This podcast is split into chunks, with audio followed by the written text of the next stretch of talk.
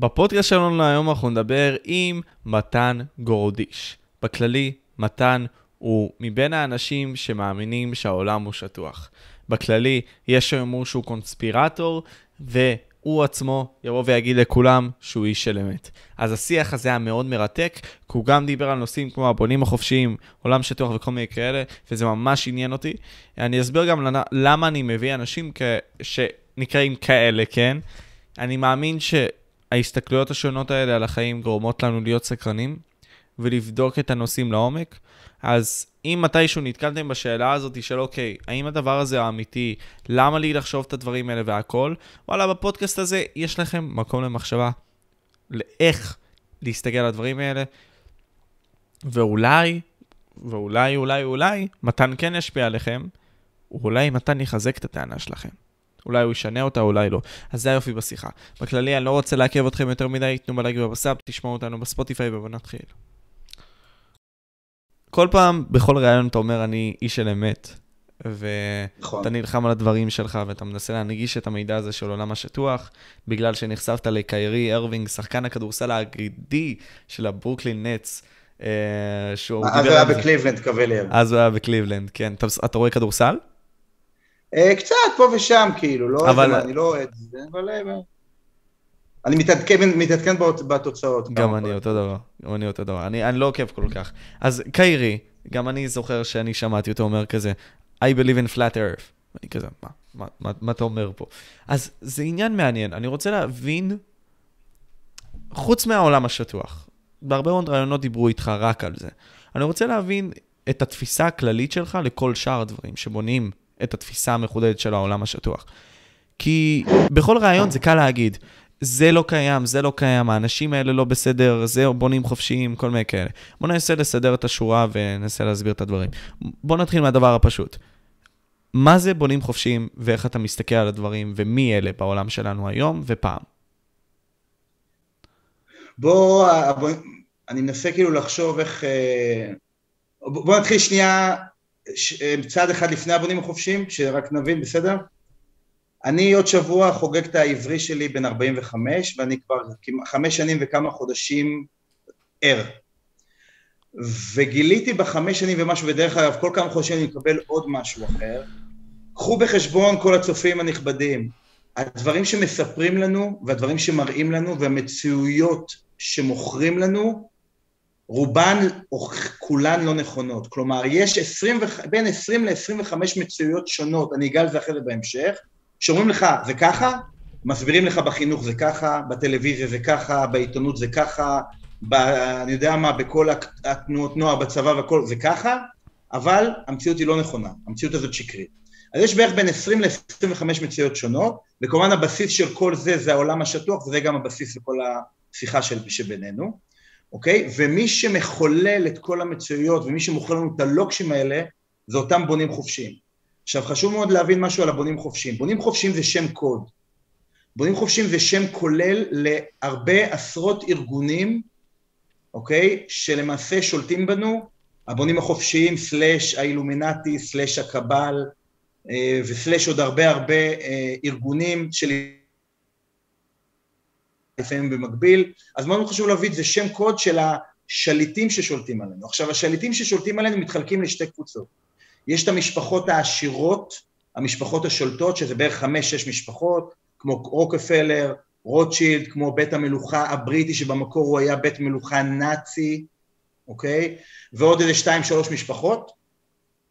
אז אלה המשפחות השולטות וכולם שוות טריליוני דולרים, ולמה אני אומר טריליוני דולרים? כי אנשים לא יודעים שמי שהפד, הפד, הבנק הפדרלי של אמריקה, שהוא למעשה מחולל את כל הבנקאות היום בעולם, זה בנק פרטי.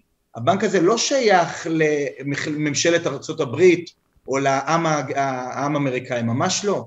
הבנק הזה, הפד, הוא בנק פרטי. אז לכן שאמרתי, המשפחות הזה יש להם טריליונים, הם פשוט מדפיסים את הכסף.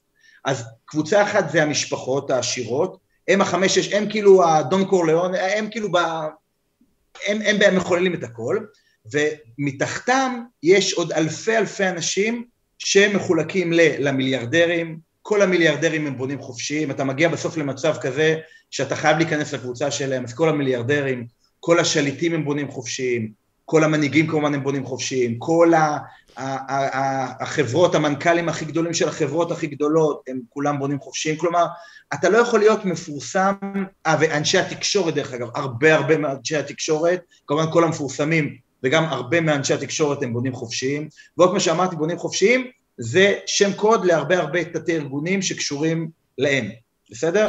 אז מה שאני רוצה להגיד, אז יש למעשה שתי קבוצות, יש את המשפחות השולטות ויש את כל השאר.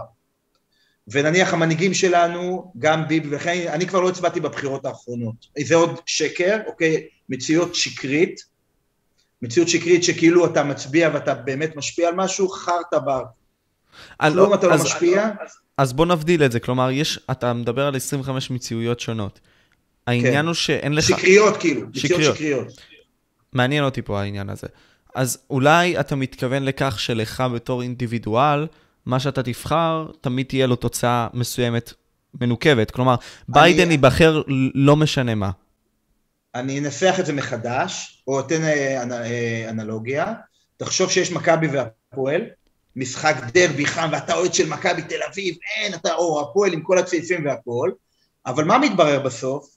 שהבעלים, בעלים נניח נקרא לו מוישה, אוקיי, לא קשור אליך, סתם מוישה, הבעלים, שגם של מכבי וגם של הפועל, אותם בעלים אומר לשחקן התקפה של מכבי, תקשיב תתקע גול, ואומר לשוער של הפועל, תקשיב, שהוא יבעט לך, תלך הצידה שיהיה גול, הוא מפעיל גם את השופטים ואומר להם פקודות מה לעשות, ובמיוחד גם את כל אנשי התקשורת, אה, ניב רסקין ועוד, אה, לא יודע, כל אלה של ערוץ חמש, שהם מדווחים לך ואיזה משחק וטה טה טה, הוא גם נותן להם, אומר להם, תקשיבו, תעשו ככה ותעשו ככה. וולקאם לעולם האמיתי שלנו, ככה נראה העולם האמיתי. הכל מכור. רגע, רגע. הכל פשוט מכור. אני אסדר את זה פה, זה שנייה. רגע. אני לא זוכר איפה נעצרת, אז הכל טוב. אתה אומר, העולם הוא מכור. וואו. העולם, מציאות אחת, שכל מה שמסביבך מכור. הכל, אין באמת, אני, לא בוח... אני מדבר עכשיו על הבחירות, אין הבדל בין ימין, אין הבדל בין ביבי וטיבי, אין הבדל בין בנט וסמוטריץ', כולם בונים חופשיים שמקבלים פקודות לא מאיתנו, אלא מאלה שלמעלה. מאלה אוקיי. שלמעלה זה המשפחות והשליטים האחרים הגדולים והמיליארדרים וכל זה. אז אוקיי, אני, אני אגיד לך איך אני מסתכל על זה אישית. Uh, קודם כל, אני מסכים שאני מאמין שיש משפחות ששולטות על העולם, על זה אני מסכים איתך. מסכים איתך שבהרבה מאוד מהמקרים, לא רק אותן משפחות, אלא הרבה מאוד ארגונים, מפעלים שונים, מממנים את אותם אנשים להצליח. עכשיו, אני, חוש... אני מאוד זולג עליך, אבל שיש לך לדעתי גישה פסימיסטית מדי, שכאילו, וואלה, אין, נגיד, אם אני רוצה עכשיו להיות ראש ממשלה, אין לי, אין לי סיכוי. רק אם אני אמכור את הנשמה שלי לשטן. בדיוק, בדיוק. בנט הוא מה-CFR, תראה, תרשמו הצופים מה זה CFR, תרשמו, לא נפרט את זה עכשיו, זה אחד מהארגוני, מתתי הארגונים של הבונים החופשיים, מה-CFR, ותראו מה זה הדבר הזה, בנט ושקד הגיעו משם, אוקיי? אה, דרך אגב, בין רבין ופרס, עכשיו צריך להגיד עוד משהו, למרות שהם כולם ארגונים, יש ביניהם יריבויות, פרס ורבין, שפרס הוא הבונה חופשי הכי גדול שהיה במדינת ישראל, אוקיי? פרס הוא מהארגון של אירופה, ורבין הוא היה מהארגון של ארה"ב, אוקיי? אז כאילו יש ביניהם גם חיכוכים וכל הדברים האלה, אבל צריך להבין, מה שאני רוצה להבין, תסתכלו על זה, שאתם בבחירות שאם יהיה, אני כבר דרך אגב הייתי פעם חולה פוליטיקה, חבל לכם על הזמן.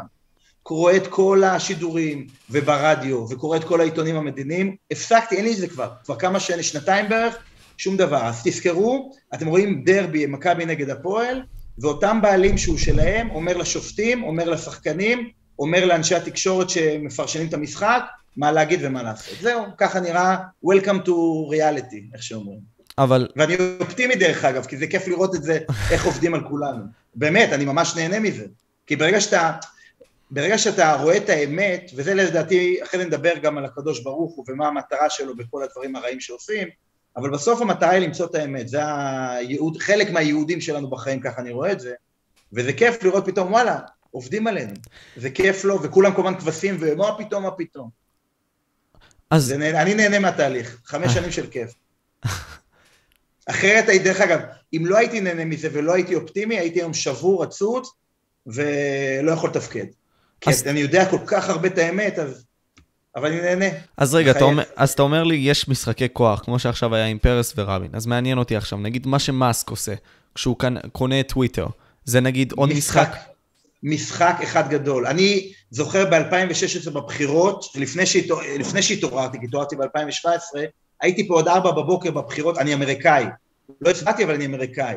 עד ארבע בבוקר את המהפך שטראמפ עשה, ואיזה שמחה, ואיזה זה. היום טראמפ הוא בונה חופשי, זה אופוזיציה נשלטת, זה משחק. ותזכרו, אותו דבר אומרים לך את טראמפ מצד אחד, את אה, מי הוא היה כבר, אני כבר לא זוכר כבר, ביידן. ניצח כבר, מצד אה, שני, אה, לא, לא ביידן, הזאתי, האישה הזאת, מה השם שלה? הזאתי כן, של- הילרי קלינטון, הילרי, שהיא כן. בונה חופשית עם קלינטון, כמובן, וזה משחק, אין הבדל, בסוף אותו מפעיל מפעיל את שתי הבובות, את טראמפ פה ואת קלינטון פה, זה הכל משחק אחד. אז. רגע, אפשרי להחליף את המילה בונים חופ- חופשיים עם אנשים בעלי יותר כוח ממך, בסופו של יום? כאילו, אם אני עכשיו רוצה יותר לפשט את רוב האנשים זה. הם בעלי כוח יותר מאיתנו. אני, אני לא יודע, תראה, לא יודע להגיד לך, תבחר איזה מילים שאתה רוצה. אני רק מנסה להגיד, מנסה להכניס לתבניות, אוקיי? כן. שיש ארגון, ארגונים, שהם למעשה מעל כולנו. והם כל כך חכמים, שהם כאילו גורמים לך שאתה כאילו בוחר, אתה כאילו משפיע, אתה מבין? כאילו, אתה שחקן נניח, אתה נניח שחקן עכשיו של מכבי תל אביב, אתה באמת חושב שוואלה יש סיכוי אולי שיהיה שחק, שחקן מחליף בוא נגיד, שיכניסו אותך ושתשפיע ותביא את הזה, אתה לא מבין שהמשחק מכור. כי לא כולם יודעים דרך אגב. הבכירים כולם יודעים, אבל יש הרבה אנשים שלא בהכרח יודעים, אבל הם משחקים את המשחק כי הם באמת חושבים שזה האמת. אולי היריבות אבל. נעשית באופן אובייקטיבית, כלומר, אם אני עכשיו משחק במשחק, יש לי עכשיו יריבות בין שתי אופוזיציות של בונים חופשיים, אז אולי הם עושים את זה ב fair fight. אולי לא בהכרח הכל מכור. הכל מתוסרט. כל, כל, אה, איך קוראים לזה, עימות, כמו אם עכשיו עם הטוויטר עם מאסק, זה הכל משחק אחד גדול. זה נראה לך, כן, הוא עכשיו קונה, ועכשיו הוא יהיה עם טראמפ ויכניס את טראמפ חזרה לטוויטר, אבל עכשיו הוא לא קונה כי יש מעל חמישה אחוז, לא אומרים לו טוויטר, מעל חמישה אחוז שיש כאילו אה, חשבונות פייק, אז הוא לא רוצה לקנות. פשוט משחק, זה מגוחך, אנחנו קוראים את זה, כל מה שאתה קורא על מאסק, על ביל גייטס, שהוא ה... יש למעשה היום שלוש נבלות הכי גדולות של הבונים החופשיים שהם לא מהמשפחות, ואני אומר בכוונה נבלות, אוקיי? ושיתבעו אותי מי שרוצה לתבוע אותי. חוץ מהמשפחות הגדולות של הרוקפלר ורוטשילד. אחד, זה הנרי קיסינג'ר, שהוא הנבלה הכי גדולה שהיה אי פעם בחמישים שנה האחרונות, יהודי. או שישים שנה האחרונות, הנרי קיסינג'ר. הדבר השני זה קלאוס שוואב, Hmm. WF. אוקיי? שהוא הקים את הפורום הכלכלי בדבוס, אף אחד בכלל לפני שנתיים לפני הקורונה בכלל לא שמע עליו, אבל הוא אחד מהאנשים החזקים ביותר שלו מהמשפחות. והשלישי כמובן מיודענו, מ...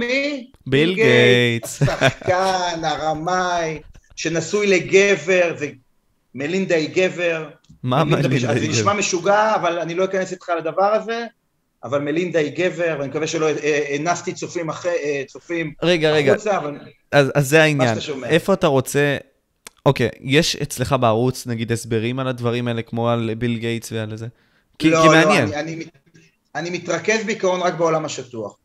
ב, יש לי חלק רביעי, הבעיה שאין לי זמן לכתוב, אני בשנה האחרונה עובד כל כך קשה לנדל"ן שלי, אז uh, יש לי כבר ראשי פרקים של עוד 15 פרקים, שאני מתחיל עכשיו סדרה חדשה, חוץ מהעולם שטוח, את המציאות השקריות. ואני הולך לדבר על עוד איזה עשר מציאות שקריות, חלק מזה מה שאני מדבר, ואני מאמין שאני אדבר על הדברים האלה, אבל עוד לא התחלתי לכתוב, זה... כל תהליך כתיבה כזה לוקח לי בין חצי שנה לשמונה חודשים, ולא התחלתי עוד לכתוב את זה לצערי. במיוחד עם מסמכים. צריך- זה לסדר אותם, זה יותר מדי. אה, תקשיב, ה-52 פרקים של העולם שטוח, 1,571 שקופיות, אני חוזר, 1,571 שקופיות שסחבק הוא היחיד שכתב את זה, לקח לי כל פרק חצ, אה, חצי שנה, זה לוקח הרבה, כן, וזה עבודת נמלים, כי כל אה, כתובית זה... כשאתה רואה, רואה שקף, מישהו רואה שקף, לקח לי בערך אה, שעה אולי לעבוד על השקף, כי אתה, אתה אוסף את החומר, אתה, זה, אתה חותך בדיוק איפה שאתה רוצה. זה עבודה, ולצערי אין לי זמן עכשיו, כי כבר יש לי את כל החומר, אני רק צריך להתחיל לכתוב, בתקווה שזה יהיה בחודשים הראשון, הקרובים אני אכתוב. וואו. אז בעיקרון, אבל בעיק- בעיקרון, ששאלת אותי, העולם שטוח זה 99% מהדברים שלי בערוץ, אבל אני הולך לפתוח פרקים של המציאות השקריות. וואו. אני, בכל... מדבר. אני בכללי אומר לכם לעקוב אחרי הערוץ של מתן, הוא יהיה למטה בתיאור למי שעדיין לא נכנס, להיחשף לדברים של העולם השטוח. בינתיים אנחנו מדברים על הדברים מבחוץ, כדי להבין מה לא, בשביל להבין אחרי זה מה כן בעולם השטוח, בעצם מה קיים. אז פה, אוקיי, דיברנו על הבונים החופשיים. אתה אמרת לי שבסופו של יום, אה, אוקיי, עם האמונה, אתה חושב שאין רצון חופשי? כלומר, אין לנו שליטה על המעשים שלנו? זו שאלה יפה. קודם כל אני צריך, אה, רגע שנייה, לפני שאנחנו נדבר על זה, תזכיר לי על הבחירה החופשית, אני רוצה רק להגיד על ההיסטוריה. אה, צר לי לאכזב את כולנו, גם אני בין המאוכזבים, אבל תמיד מימי נמרוד, אוקיי? נמרוד ואברהם, אוקיי? נמרוד, נמרוד. כבר מימי נמרוד, כבר ארבעת אלפים, ארבעת אלפים משהו שנה, שולטים על בני אדם. לעולם שולטים עלינו, ככה אלוהים ברא אותנו, שתמיד בני אדם הם עדר, באופי שלנו, שאנחנו כקבוצה אנחנו עדר, וככה יותר קל לשלוט עלינו. אם היו כולם, כל השבעה מיליארד, לא בטוח דרך אגב שיש שבעה מיליארד איש בעולם, אבל בהנחה שיש כמה מיליארדים בעולם, אה, אם כולם היו מתן גורודיש, או אנשים חברים שלי, האנושות לא הייתה קיימת. כי היינו כל כך מתפרעים וכל כך אה, נלחמים וכל כך זה ש, שלא היה, לא היה נוצר כלום, כי לא היה נוצר כלום. לכן האלוהים שברא את כל השקרים האלה, הוא ברא את ה... ב-DNA שלנו, גם כן DNA, לא נדבר על זה עכשיו, אבל זה גם, יש לי הרבה דברים מה להגיד על ה-DNA, אבל אה, יצר בנו שאנחנו עדר, 90 ומשהו אחוז מהאנשים בקבוצה הם עדר, אין מה לעשות, ככה גם, ככה גם הגענו להישגים. אז כבר ארבעת אלפים שנה שולטים עלינו וימשיכו לשלוט עלינו לצערי, זה לא שאנחנו מחר נשנה וזהו לא יהיה שליטה, לצערי ככה אלוהים ברא אותה. עכשיו על הבחירה החופשית. אני ממשיל את החיים שלנו כמו לספר. בספר הגיבור הראשי רץ, נוסע באוטו, מקבל החלטות, מתחתן, קורא דברים, דברים מעניינים, נלחם, תלוי אם זה ספר, ספר דרמה או אם זה ספר אקשן, טה טה טה, באמת בחירה חופשית עושה את כל הדברים והכל פיקס, בין אם זה סוף טוב ולא סוף או לא טוב. אממה, הספר כבר כתוב. כלומר, הסופר שכתב את הספר, הגיבור מבחינתו חי את החיים ויודע מה הולך לקרות, אבל הגיבור שכתב, הסופר שכתב את הספר, כבר הספר כבר כתוב. אז מה שאני רוצה להגיד, אצלנו יש את הבחירה החופשית, ואני עכשיו בוחר, אני לפני, אה, כל דבר, אני לפני חמש שנים התעוררתי כבחירה חופשית, החלטתי ללכת ולספר לכולם, תקשיבו, עובדים עליכם, כבחירה חופשית. אבל אלוהים ידע כבר שזה מה שיהיה. זה מה שאני מנסה להגיד. אנחנו כן בוחרים, אבל אלוהים כבר כתב את הספר על כל אחד. דרך אגב, אלוקים יודע מתי אנחנו נחיה ומתי נמות, והוא כבר כתב את הספר. כלומר, כבר ההוא למעלה ש... שברא אותנו, כבר יודע איך מתן, מתי יגמור, איך יגמור, על כל אחד ואחד. אבל אני מבחינתי כן בוחר וכן חי וכן... אז זה, עוד פעם, אני לא יכול להוכיח לך את הדברים האלה, כן? כי זה אמונה... זה אמונה, בדיוק. שאי אפשר באמת להוכיח, אבל ככה אני מנתח את החמש שנות התעוררות שלי. Mm. יש בחירה חופשית, אבל אלוקים כבר יודע מה נבחר. אז אוקיי, מעניין אותי אז לשאול, מכיר את אלכס ג'ונס, אני מניח. בטח. אז למה נגיד סתם לא, לא משתקים אותו אם הוא נגיד אומר את הדברים שהוא אומר? אתה מבין? פה, פה אני מתערער על הדברים האלה. מעניין אותי. תראה, יש, יש... אני לא מדבר, לא יודע, אני מדבר על אלכס ג'ונס בצורה נפרדת, אבל יש כמו רוגן או כאלה אחרים, גם בעולם השטוח, שיש הרבה חושבים שהם שילד. כלומר שהם אופוזיציה נשלטת הם אה, מלשון מגינים כאילו, זה כאילו הפוך על הפוך. אוקיי? בעולם, בעולם השטוח שבו אני חי את העולם הזה כבר חמש שנים, יש, אני לא בהכרח, יש כן שאופוזיציה אה, אה, נשלטת ומשלהם, משל הבונים חופשיים, והוטמעו בנו כדי כאילו לשלוט, אתה מבין כאילו מה הכוונה? אתה יודע מה זה אופוזיציה נשלטת? מראים לך כאילו שהוא מנהיג אותנו, אבל תכלס הוא משלהם. כאילו הוא המציל, או המושיע, בעולם בדיוק, הזה, אבל, אבל הוא לא גם. באמת, הוא משלהם. זה בדיוק למה אני אמרתי טראמפ, את זה. בדיוק, טראמפ היה כאילו המושיע, אבל הוא משלהם גם. אז אני לא רוצה עכשיו לרשום, להגיד בשמות, כן, אני מדבר על, על חו"ל, בארץ פה אנחנו עדיין קטנים, העולם שטוח, וגם החושפי הקונספירטורים, כולנו עוד קטנים פה בארץ, אבל בארצות הברית, שזה המרב, יש הרבה מה... אני לא אפרט עכשיו, אבל יש, לא יודע אם הרבה, אבל יש כאלה מפורסמים שמשלהם. קיירי לדעתך הוא אחד משלהם?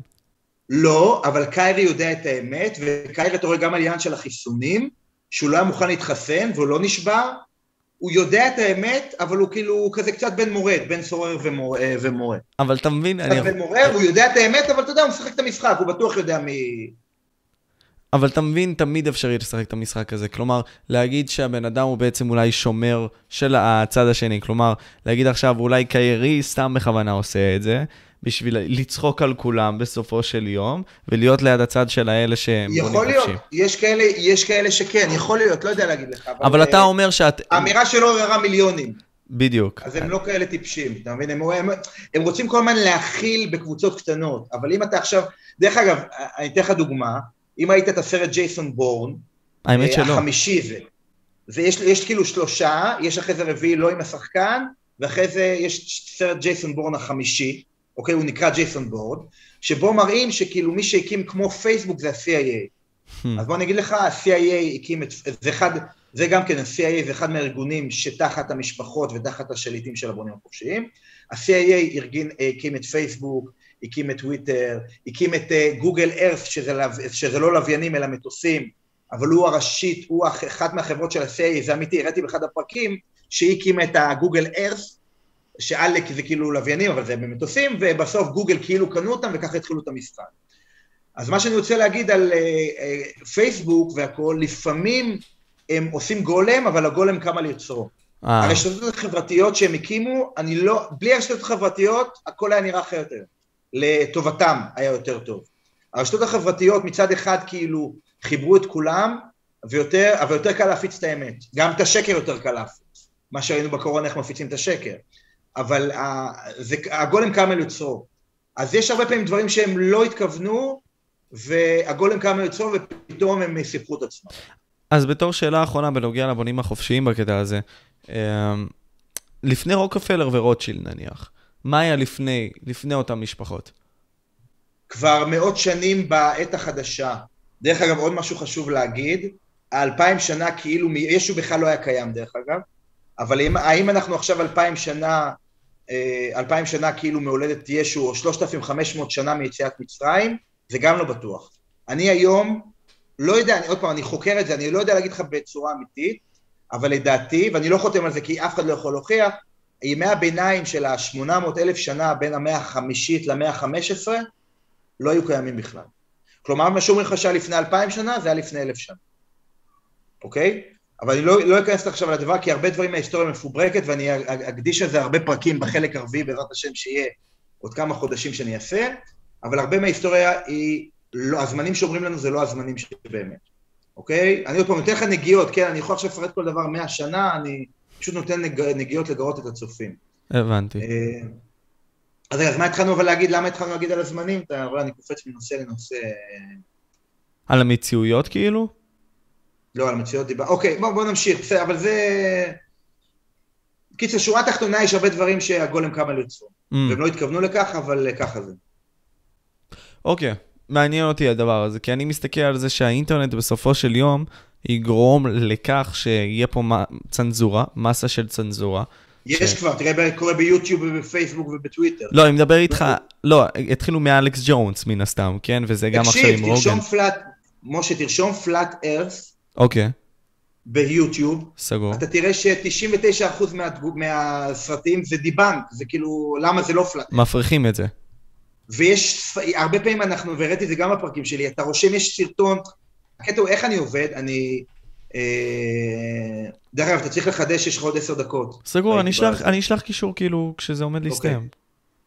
אה, שיש, אה, איך אני מגיע לכל החומרים? כל פעם שאני רואה חומר, אני ישר כאילו מתייג אותו, שולח לי למייל ומקטלג אותו. ואחרי חצי שנה, שנה, אני ככה ניגש אליו והכל. אז יש הרבה פעמים סרטונים של יוטיוב, שאתה רושם את הספר, שם של עשר דקות, אוקיי, אה, של- לא עשר דקות, שם של עשר מילים, משהו, אתה יודע, זה החד-חד-חד ערכי, אתה רושם אותו, וכמובן, אתה לא מקבל אותו. אתה מקבל עוד מאה דברים שלמה זה לא. אני- אז אה, הצנזורה כבר קיימת, ראינו, בפי, ראינו בתקופת הפייק קורונה, שגם על הקורונה קצת אולי נדבר, אה, עד כמה צנזרו, האם אימא צנזרו את הכל, האם אימא מחקו, האם אימא צנזרו, חבל אחרי הזמן. אז הצנזורה, אה, משה, חיה ונושמת. וואו, מה אתה אומר. מתן, וואו. לא, תשמע, אני, אני גם רואה את זה מן הסתם, גם ההסללה המכוונת שיש של ה-SEO עצמו. כלומר, אם אני עכשיו ארשום משהו אני לא החיפוש של טכנולוג, גוגל. אז... אה, אני- לא, SEO זה כאילו מנוע חיפוש. מנוע חיפוש אה, של אוקיי. גוגל נניח, אז אם אני עכשיו ארשום, לא יודע מה, ביל קלינטון וקונספירציית המין שהייתה לו, וכל מה כל זה הדברים. קונספירציה? זה אמת, הוא לקח אותם במטוסים, מה אתה חושב? אה, וגם ה-Love Island של אפשטיין וכל אלה. לא, לא לא יראו. לי את זה. נכון. שהוא לא התאבד דרך אגב. לא, לא יראו את זה, אתה מבין? וכל מה שקרה עם גלסין מקסואל שם, דרך אגב, אתה התעמקת בזה הרבה בלי קשר? ראית את הדברים האלה? פחות, אני... מה, על, על כל העניין של ה... אפשטיין תראה, ואפשטיין איילנד. פחות, אני מכיר את הדברים, אבל לא עשיתי עכשיו, אני גם לא עשיתי הבנתי. פרק, זה לא משהו שעכשיו חקרתי תקשיב, כל פרק שאני חוקר, אני חוקר אותו מאות שעות. הגיוני. כשאתה רואה עכשיו פרק של 20 דקות, חקרתי אותו עשרות שעות, או 100 שעות, אפילו יותר. הגיוני. אז לא, זה רק בנגיעות הקטנות, על זה, זה, הדברים האלה פחות. אוקיי, אז דיברת על ה-DNA של הבני אדם, מה רצית להוסיף בנוגע לזה? הפייק קורונה לימדה אותי כמה דברים. דרך אגב, אנקדוטה קטנה בשביל להשאיר את הצופים מרוכזים. אתמול היה לי משפט על עטיית מסכה, שלפני שנה וחצי, באחת ההפגנות שהייתי בבימה, אה, דצמבר, דצמבר 2020, לפני שנה וחצי, שהיה צריך להיות עם מסכה בחוץ, כלומר, אני לא שם מסכה, והביאו לי דוח, ואחרי שנה כמובן ביקשתי להישפט, ותהליך של שנה וחצי עד שאתמול היה שלב ההקראה, אתמול, אחרי שנה וחמישה חודשים, היה שלב ההקראה בבית משפט, וכמובן ניסיתי לראות את ההוכחות, דרך אגב, פעם ראשונה בחיים שלי במשפט, כן? אמרתי את זה גם לשופט, אבל התובעת הייתה מאוד מאוד קשה ולא הייתה מוכנה לכלום, ואני אומר לה, בסוף, הקייס שלי, וזה בו שהצופים ידעו, רק שתדעו, החוק לא מחייב להביא אישור. אם אני מצהיר בעל פה שיש לי קושי נשימתי, וקושי נשימתי מספיק שאני אמרתי להם את זה גם, אני כמו שואב אבק, אתה שם שואב אבק מחסום לשואב אבק, הוא פחות שואב, הוא פחות נושם.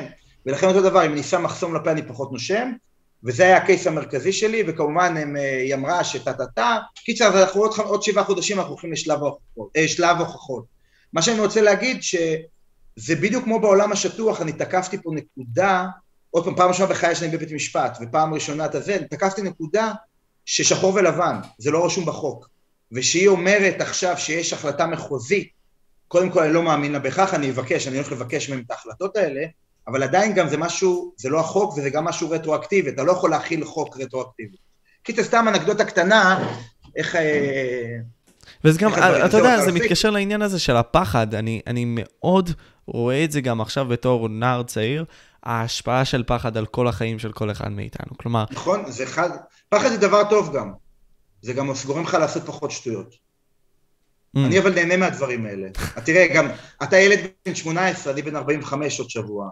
אתה רואה ככל שאתה מתבגר, אתה מוכן לקחת יותר סיכונים ופחות פוחד. נניח, אם היית אומר לי לפני 15 שנה, בגיל 30 שהייתי נכנע, בוא נגיד עכשיו הייתי מתעורר כמו שהתעוררתי בגיל 25, ובגיל 30 עכשיו, האם הייתי הולך לתהליך של משפט, שיהיה רשום השם שלי, אה, אה, מדינת ישראל נאשם מתן גרגורודיש, לא הייתי עושה את הדבר הזה. וואלה, כי הייתי בן 30 והייתי פחות, היום אני עם ביטחון עצמי. אתה יודע, ככל שמתבגרים הביטחון עצמי גדל. אבל יש לך משפחה. אני... יש לי משפחה, כן, אבל המשפחה כבר מכירה חמש שנים עד כמה אני דבק באמת שלי. וזה מה שמניע אותי דרך אגב. שני דברים, דבקות באמת, והדבר השני, לא יכול שעובדים עליי. אני לא יכול שעובדים עליי, ולכל אורך החיים שלי, כל פעם שניסו לרמות אותי, הלכתי עד הסוף, גם עם פעם אחת של סיכון חיים, אבל על מתן גורדיש לא יעבדו. אז זו הסיבה השנייה למה אני נלחם, ולמה אני אומר את תורתי ולמה אני כאילו מסביר לכולם מה האמת, שתי סיבות. אחד, חקר האמת, האמת זה נר לרגלי, נר לרגלי, ואתה יכול לשאול את אשתי, וכל הסביבה שלי, אין, אמת, זה הדבר שהכי חשוב לי. אני אתן לך דוגמה על האמת שנייה, חג החנוכה, אוקיי? חג החנוכה. נס פח השמן, חברה אבל בחור דתי, נס פח השמן זה פייק, הוא לא היה קיים. מה שהיה, זה היה נס ניצחון ההירואי של המכבים על היוונים, ולמה חגגו שמונה ימים? רשום את זה במגילת מכבים א' וב', למה חגגו שמונה ימים? כי פספסו את הקורבנות של סוכות ושמיני עצרת, ולכן חגגו שמונה ימים. שמונה ימים זה לא שפתאום נס פח השמן דלק שמונה ימים, אלא פשוט לקחו את השמונה ימים שבגלל הקורבנות שפספסו בסוכות ושמיני עצרת ובחנוכה הדליק, אה, עשו את הקורבנות, וככה לקחו כמה מאות שנים אחרי זה את נס פח השמן. אז זה נניח דוגמה שאני של אמת והילדים שלי יודעים, אוקיי, לא, למרות שעכשיו אני פעם ראשונה באמת מדבר על זה בפורום גדול, אוקיי, ברעיון שלך, אבל המשפחה שלי יודעת בחנוכה האחרון, זה גיליתי לפני שנתיים, הנס האמיתי היה הנס של הניצחון, נס פח השמן לא היה קיים. וואו. אז הנה, אתה רואה, אני רואה אמת גם שזה נגד הדת שלי ונגד ההשקפה שלי וזה, מה שאני רואה אמת, אני, מה שאני רואה שקר, אין, גורף ומעביר הלאה. פשוט ככה, מוחק את זה.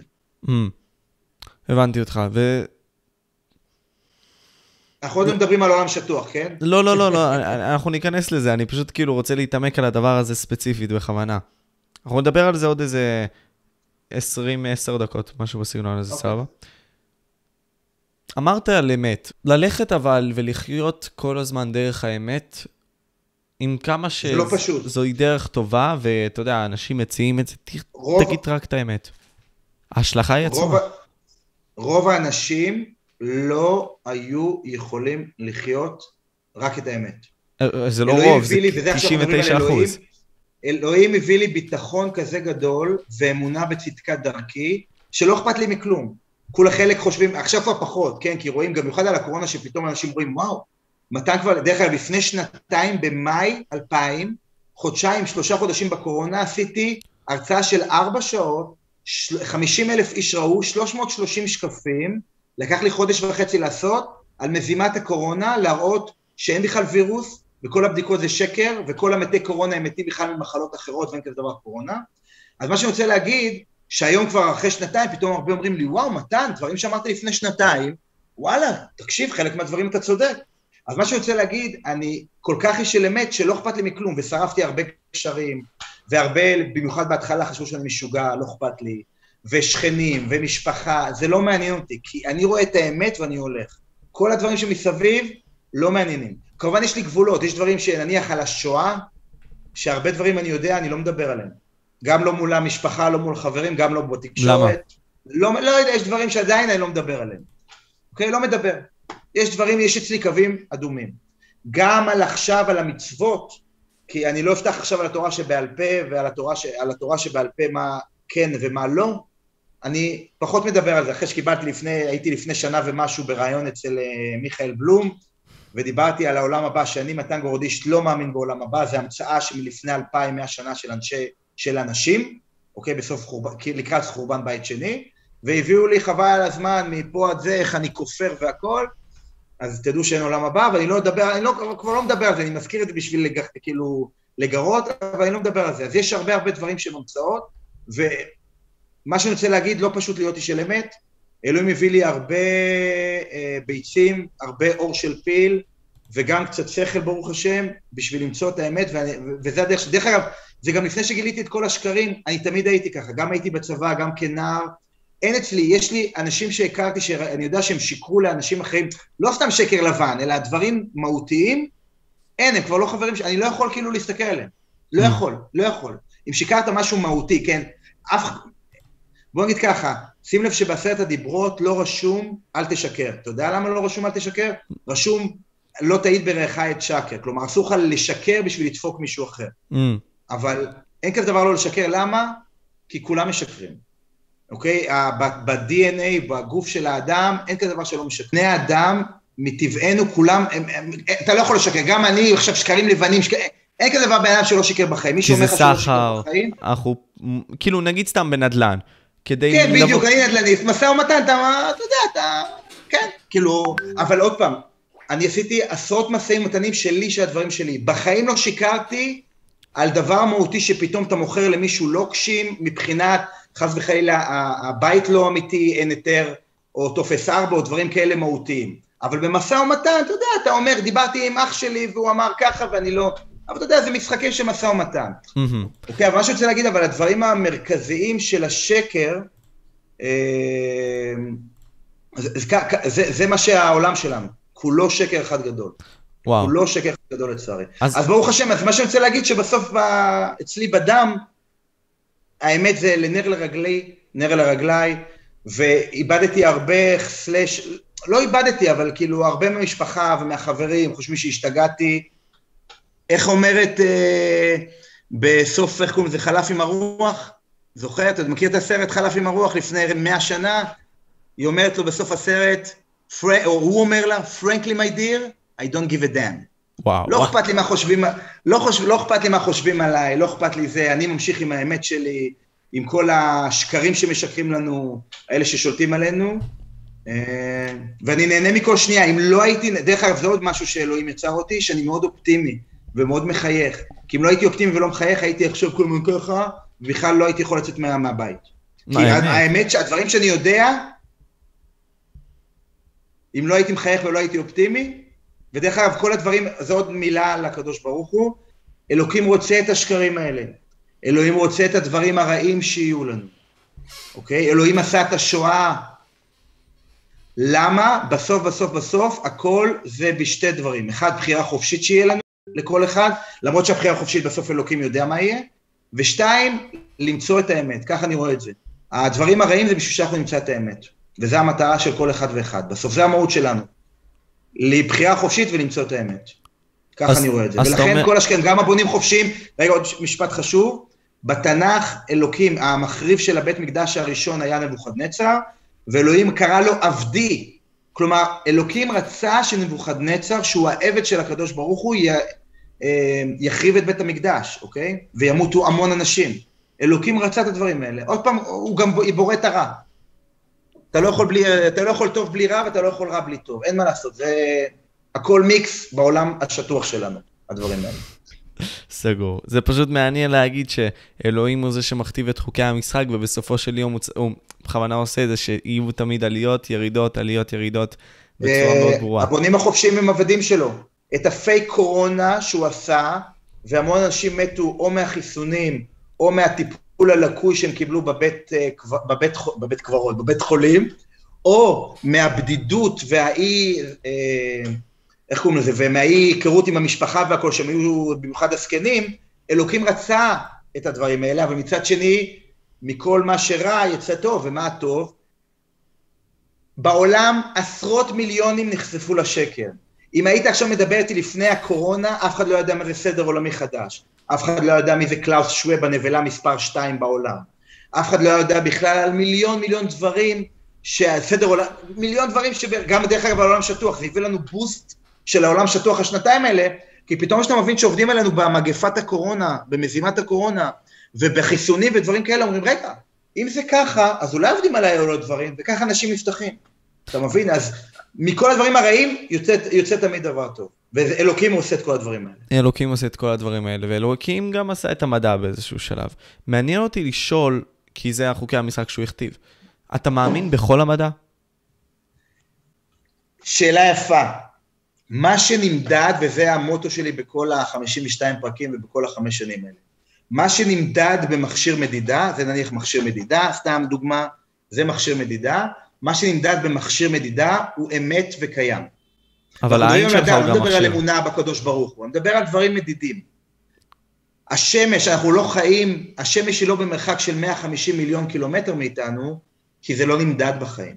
אנחנו לא חיים על הכדור, כי אם אנחנו היינו חיים על כדור, המים היו מתקמרים, נכון? כי אם יש כדור, אז המים מתקמרים, ואז אם יש מים מתקמרים, יש משהו שנקרא, משהו קטן מעצבן שנקרא חוק כלים שלובים.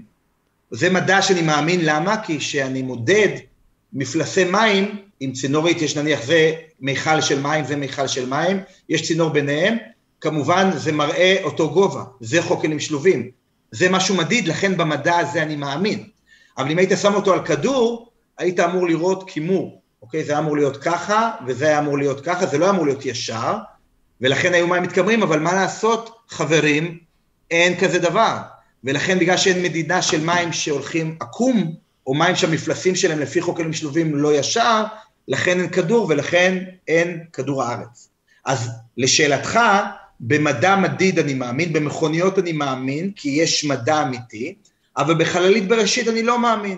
ולמה אני לא מאמין בחללית בראשית? חוץ מהחלל שלא קיים ואי אפשר לעבור את הרקיע, כי מי שלא יודע, חללית בראשית, אני דיברתי עם שניים שהיו מעורבים בפרויקט, ודיברתי על זה בפרק שלי, פרק אה, 19 על פייק חללית בראשית.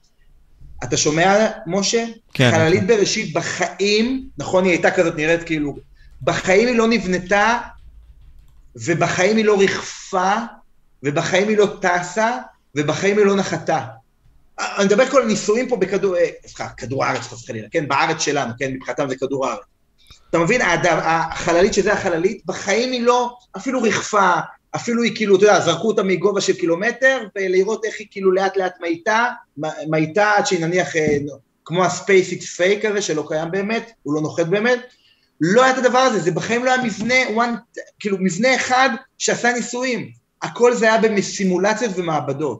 אז אתה רוצה להגיד לי שכל דבר, אפילו קח קורקינט חשמלי, קח את השלט הזה, קח את העכבר, קח כל דבר, אוקיי? קח אפילו עם הצעצועים של הילד שלי, צעצוע של הילד שלי, אוקיי? אוקיי. הדבר הזה נבנה קודם, עשו עליו לחץ של לראות את החומרים, בדקו את הצבעים, עשו עליו מיליון מיליון ניסויים לפני שעכשיו הביאו לילדים, אמרו, טוב, בואו תשחקו עם זה. אז רוצה להגיד לי שהדבר הקטן הזה, עשו עליו מאות ניסויים, לא מאות, אבל עשו עליו ניסויים אמיתיים, ועל חללית בראשית שכאילו טסה לחלל, וכאילו הלכה לנחות לירח לא, לכן חללית בראשית היא פייק, חוץ מהדברים שכמובן שהעולם שטוח ואי אפשר לצאת מעבר לרקיע, בגלל שלא עשו עליה אף פעם ניסויים אמיתיים. ומה שלא עשו עליו אף פעם ניסויים אמיתיים, לא באמת קיים. אז זה לשאלתך מה האמת ומה לא אמת. מדיד, אמת, לא מדיד, לא אמת. אבל העיניים שלך יכולות למדוד דברים, כאילו חשוב לי גם לציין את זה, כלומר, אם אנחנו עכשיו ניקח ניסוי, גם העיניים שלך הם חלק מניסיון אובייקטיבי, למרות שזה לא כל כך קשור פה ספציפית, פשוט חשוב לי להגיד את זה. אמ, אם לדעתי. אמרת על העיניים, שאני רואה את העיניים שהשמש מסתובבת סביבי, אז השמש מסתובבת סביבי, אם אתה אומר אה, את הדבר הזה לדוגמה.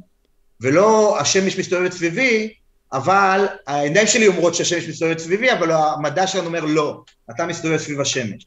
או שהעיניים שלי, עכשיו על האוזניים שלי, אני עכשיו, בוא נגיד, אני עכשיו עומד, כאן יש שלוש תעלות שגורמות לנו לאיזון, אוקיי? שגורמות לנו לדעת את השיווי משקל.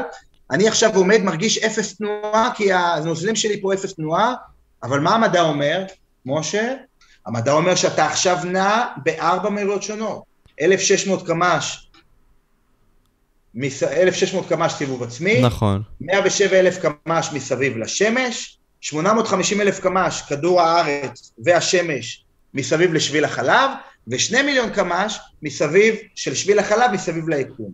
אז אלה ארבעת מיליונות שהמדע אומר לנו, אבל האוזניים שלי, האינטואיציה שלי, האוזניים שלי, הנוזלים פה אפס, כלומר הן לא זזות, אתה מבין? אז זה סתם עוד דבר לדוגמה שדיברת על חושים ואינטואיציה, אז זה גם, אבל עוד פעם אני מדבר על מדידות. Mm-hmm. אני לא מדבר על חושים ואינטואיציות. מדידות. אוקיי. Okay. אמ, um, נתחיל מהדבר הזה. קודם כל, אתה אמרת על העניין הזה של... Uh, ואני, ואני חייב לתת קרדיט ליקיר, אם אני לא טועה, זה שהיית כן, אצלו יקיר. בפודקאסט, יקיר כהן, כן. הוא נתן דוגמה נפלאה שאני חייב לצטט אותה, וגם אני אשים אותה פה. Uh, על אילן רמון, כי זאת, זאת הייתה דוגמה ממש טובה, בסדר? ועכשיו, אני מבין שיוצא נגזרת כזאת. אם לא... יכול, לא... אה, משה, אתה יכול לדבר חופשי, עשיתי על זה פרק שלם של חצי שעה, למה אילן רמון לא עלה לחלל. אז אתה יכול לדבר חופשי, אל תגיד, אני רואה אותך מתפתל, תגיד על אילן רמון, כן. לא, זה מעניין, תתפתל. כי בסופו של יום נגזרת מכך שאתה אומר שאין חלליות בחלל, יוצא שאילן רמון הוא בונה, או וואטאבר, לא נמצא פה כמו אפשטיין. מה הבעיה שבונה חופשי? מה, הוא בונה חופשי והוא חי. אני לא מדבר על המשפחה שלו, שים לב, אני בחור חכם. אני לא מדבר על אשתו ועל הילד שלו ועל המשפחה, לא מדבר עליהם, שם בצד, וגם אני לא מדבר מול... לא מדבר על המשפחה, או המשפחה לא... מה שקרה לאחרים, לא מעניין, כי זה לא קשור לזה, ולא רוצה להגיד על דברים שלא בדק, בדקתי. אילן רמון לא עלה לחלל. נקודה. אז מבחינת... אילן רמון בונה חופשי, כמו שאני אגיד לך עוד משהו. אוקיי. Okay. מי שמת בשבי בסוריה שם? נו, מה השם שלו? לא, לא... אלי כהן? נו, כן, נכון, לפני... נכון, ב-1960 בערך, נו. כן, אלי כהן בונה חופשי. יש הוכחות לדבר הזה של איקון בונה חופשי. זה הכל משחק אחד גדול על העצמות שלו ומה שקרה לו. הוא בונה חופשי, אתה מבין איך הכל מכור? נותנים לך framing של אה, זה שהוא נעלם, וטה-טה-טה, ו... דרך אגב, אבל אה, רון ארד אני לא יודע, אני לא מדבר, אין לי מושג, לא בדקתי, זה לא... כן, זה לא בדיוק מה שרציתי להגיד, רון ארד. לא, אני לא יודע, אני לא בדק, יש דברים שאני לא בדקתי, לא, אני, אני מדבר רק על דברים שבדקתי, אוקיי? אז הוא היה בונה חופשי, זה מוצהר, הוא היה בונה חופשי מוצהר, ולא קרה לו כלום, שאני לא יודע איפה, מה קרה, מה עשו לו, מה זה, אבל זה הכל משחק אחד גדול. בדיוק דרך אגב כמו פצצות אטום, שעל זה עשיתי גם פרק. אין פצצות אטום, חבר'ה, אתם יכולים כולם להירגע בבית, שום פצצות אטום לא יכולה להשמיד את תל אביב, או את רמת גן, או את ירושלים, זה פייק אחד גדול, זה הכל משחק עם איראן, שאיראן לא באמת אה, מסכנת אותנו. ולמה אין פצצות אטום? כי אין גרעין לאטום. שאלת אותי קודם שאלה קודמת על המדע, תכף נחזור לאילן רמון, בסדר? כן. שאלת אותי על מדע, מודל האטום לא נמדד בחיים. ולכן בגלל שהוא לא נמדד בחיים, הוא לא קיים. אני מבחינתי מודל האטום, דרך אגב, אטום לא קיים, אבל מבחינתי אם אתה, אם אתה מצהיר, אומר שיש גרעין, יש אלקטרונים ויש, סליחה, יש אטום, יש אלקטרונים שחגים מסביב ויש גרעין מאוד מאוד קטן בתוכו, אני, ולא הצלחת למדוד לי, זה סיפורי סבתא, אז מבחינתי, אתה יודע מה יש שם? יש שם שלושה חדי קרן, שכמו הדוושות של, איך קוראים לזה, של האוגרים, מסובבים את הדוושות של האוגרים בתוך האטום, כאילו, וזה מבחינתי מודל האטום. מה ההבדל בין המדע ובין מה שאני אומר לך על החדי קרן שהיא מדוושות עושות מתוך האטום? זה לא נמדד וזה לא נמדד. ולכן אין אטום ואין כלום. אוקיי? זה סתם לדוגמה, לכן גם אם אין אטום, אתה לא יכול לבקע אטום ולעשות אה, כוח אינסופי להשמיד ערים, ועשיתי על זה פרק שלם, פרק 21, ולכן כל האיראן זה חרטה ברטה, שום דבר לא מסכן אותנו באיראן, זה הכל משחק, צפון קוריאה לא מסכנת את ארצות הברית ושום דבר, כי אין פצצות אטום. אז אין radiation, כלומר עכשיו מה שהיה בצ'רנוביל זה פייק? אה, צ'רנוביל, דיברתי על זה בפרק, צ'רנוביל פשוט לקחו מקום, פוצצו אותו, עשו עם המונה גייגר הזה שכאילו יש עכשיו קצת שכאילו יש כאילו קרינה, וברוסיה כל כך קל, העיפו חצי מיליון איש משם. אבל אתה מבין, להגיד את זה, זה, לא יודע, זה מהצד שלי, כאילו, הוא אומר שהם בכוונה רימו את המדע, בכדי לא, להתאים את עצמם. לא, הם מרמים את לאג'נדה המדע, המדע, המדע, המדע, המדע שקר מלכתחילה. אי שווה לאמסי בריבוע איינשטיין, שהיה גאון, היה בונה חופשי רמאי, שקרן.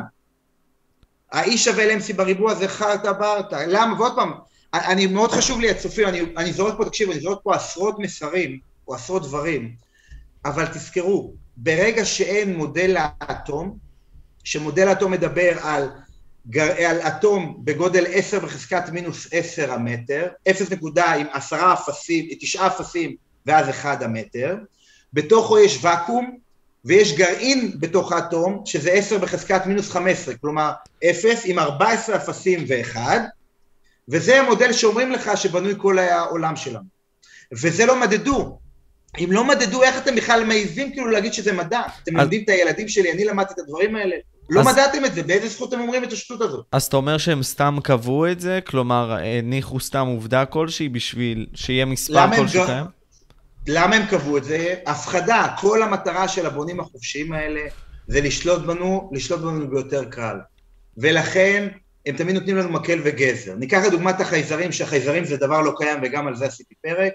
מצד אחד נותנים לך מקל, אה, אה, גזר, וואו, החייזרים יגיעו לנו יום אחד וייתנו לנו טכנולוגיות מדהימות וישפר את האנושות. מצד שני, החייזרים, תיזהרו, החייזרים יפלשו ויהרגו את כולנו, כמו בכל הסרטים שעושים לנו את הדבר הזה. מקל וגזר, אבל חייזרים זה לא דבר קיים. וגם למה זה לא דבר קיים? כי בחיים לא הוכיחו את הדבר הזה. כלומר, הם נותנים לך הרבה הרבה דברים בשביל לשלוט בך ולהפחיד אותך. לכן פצצת אטום, תחשוב איך זה הירושימה ונגסקי, אני לא אפרט עכשיו את הפרק שלי, למה זה היה פצצות TNT, אוקיי?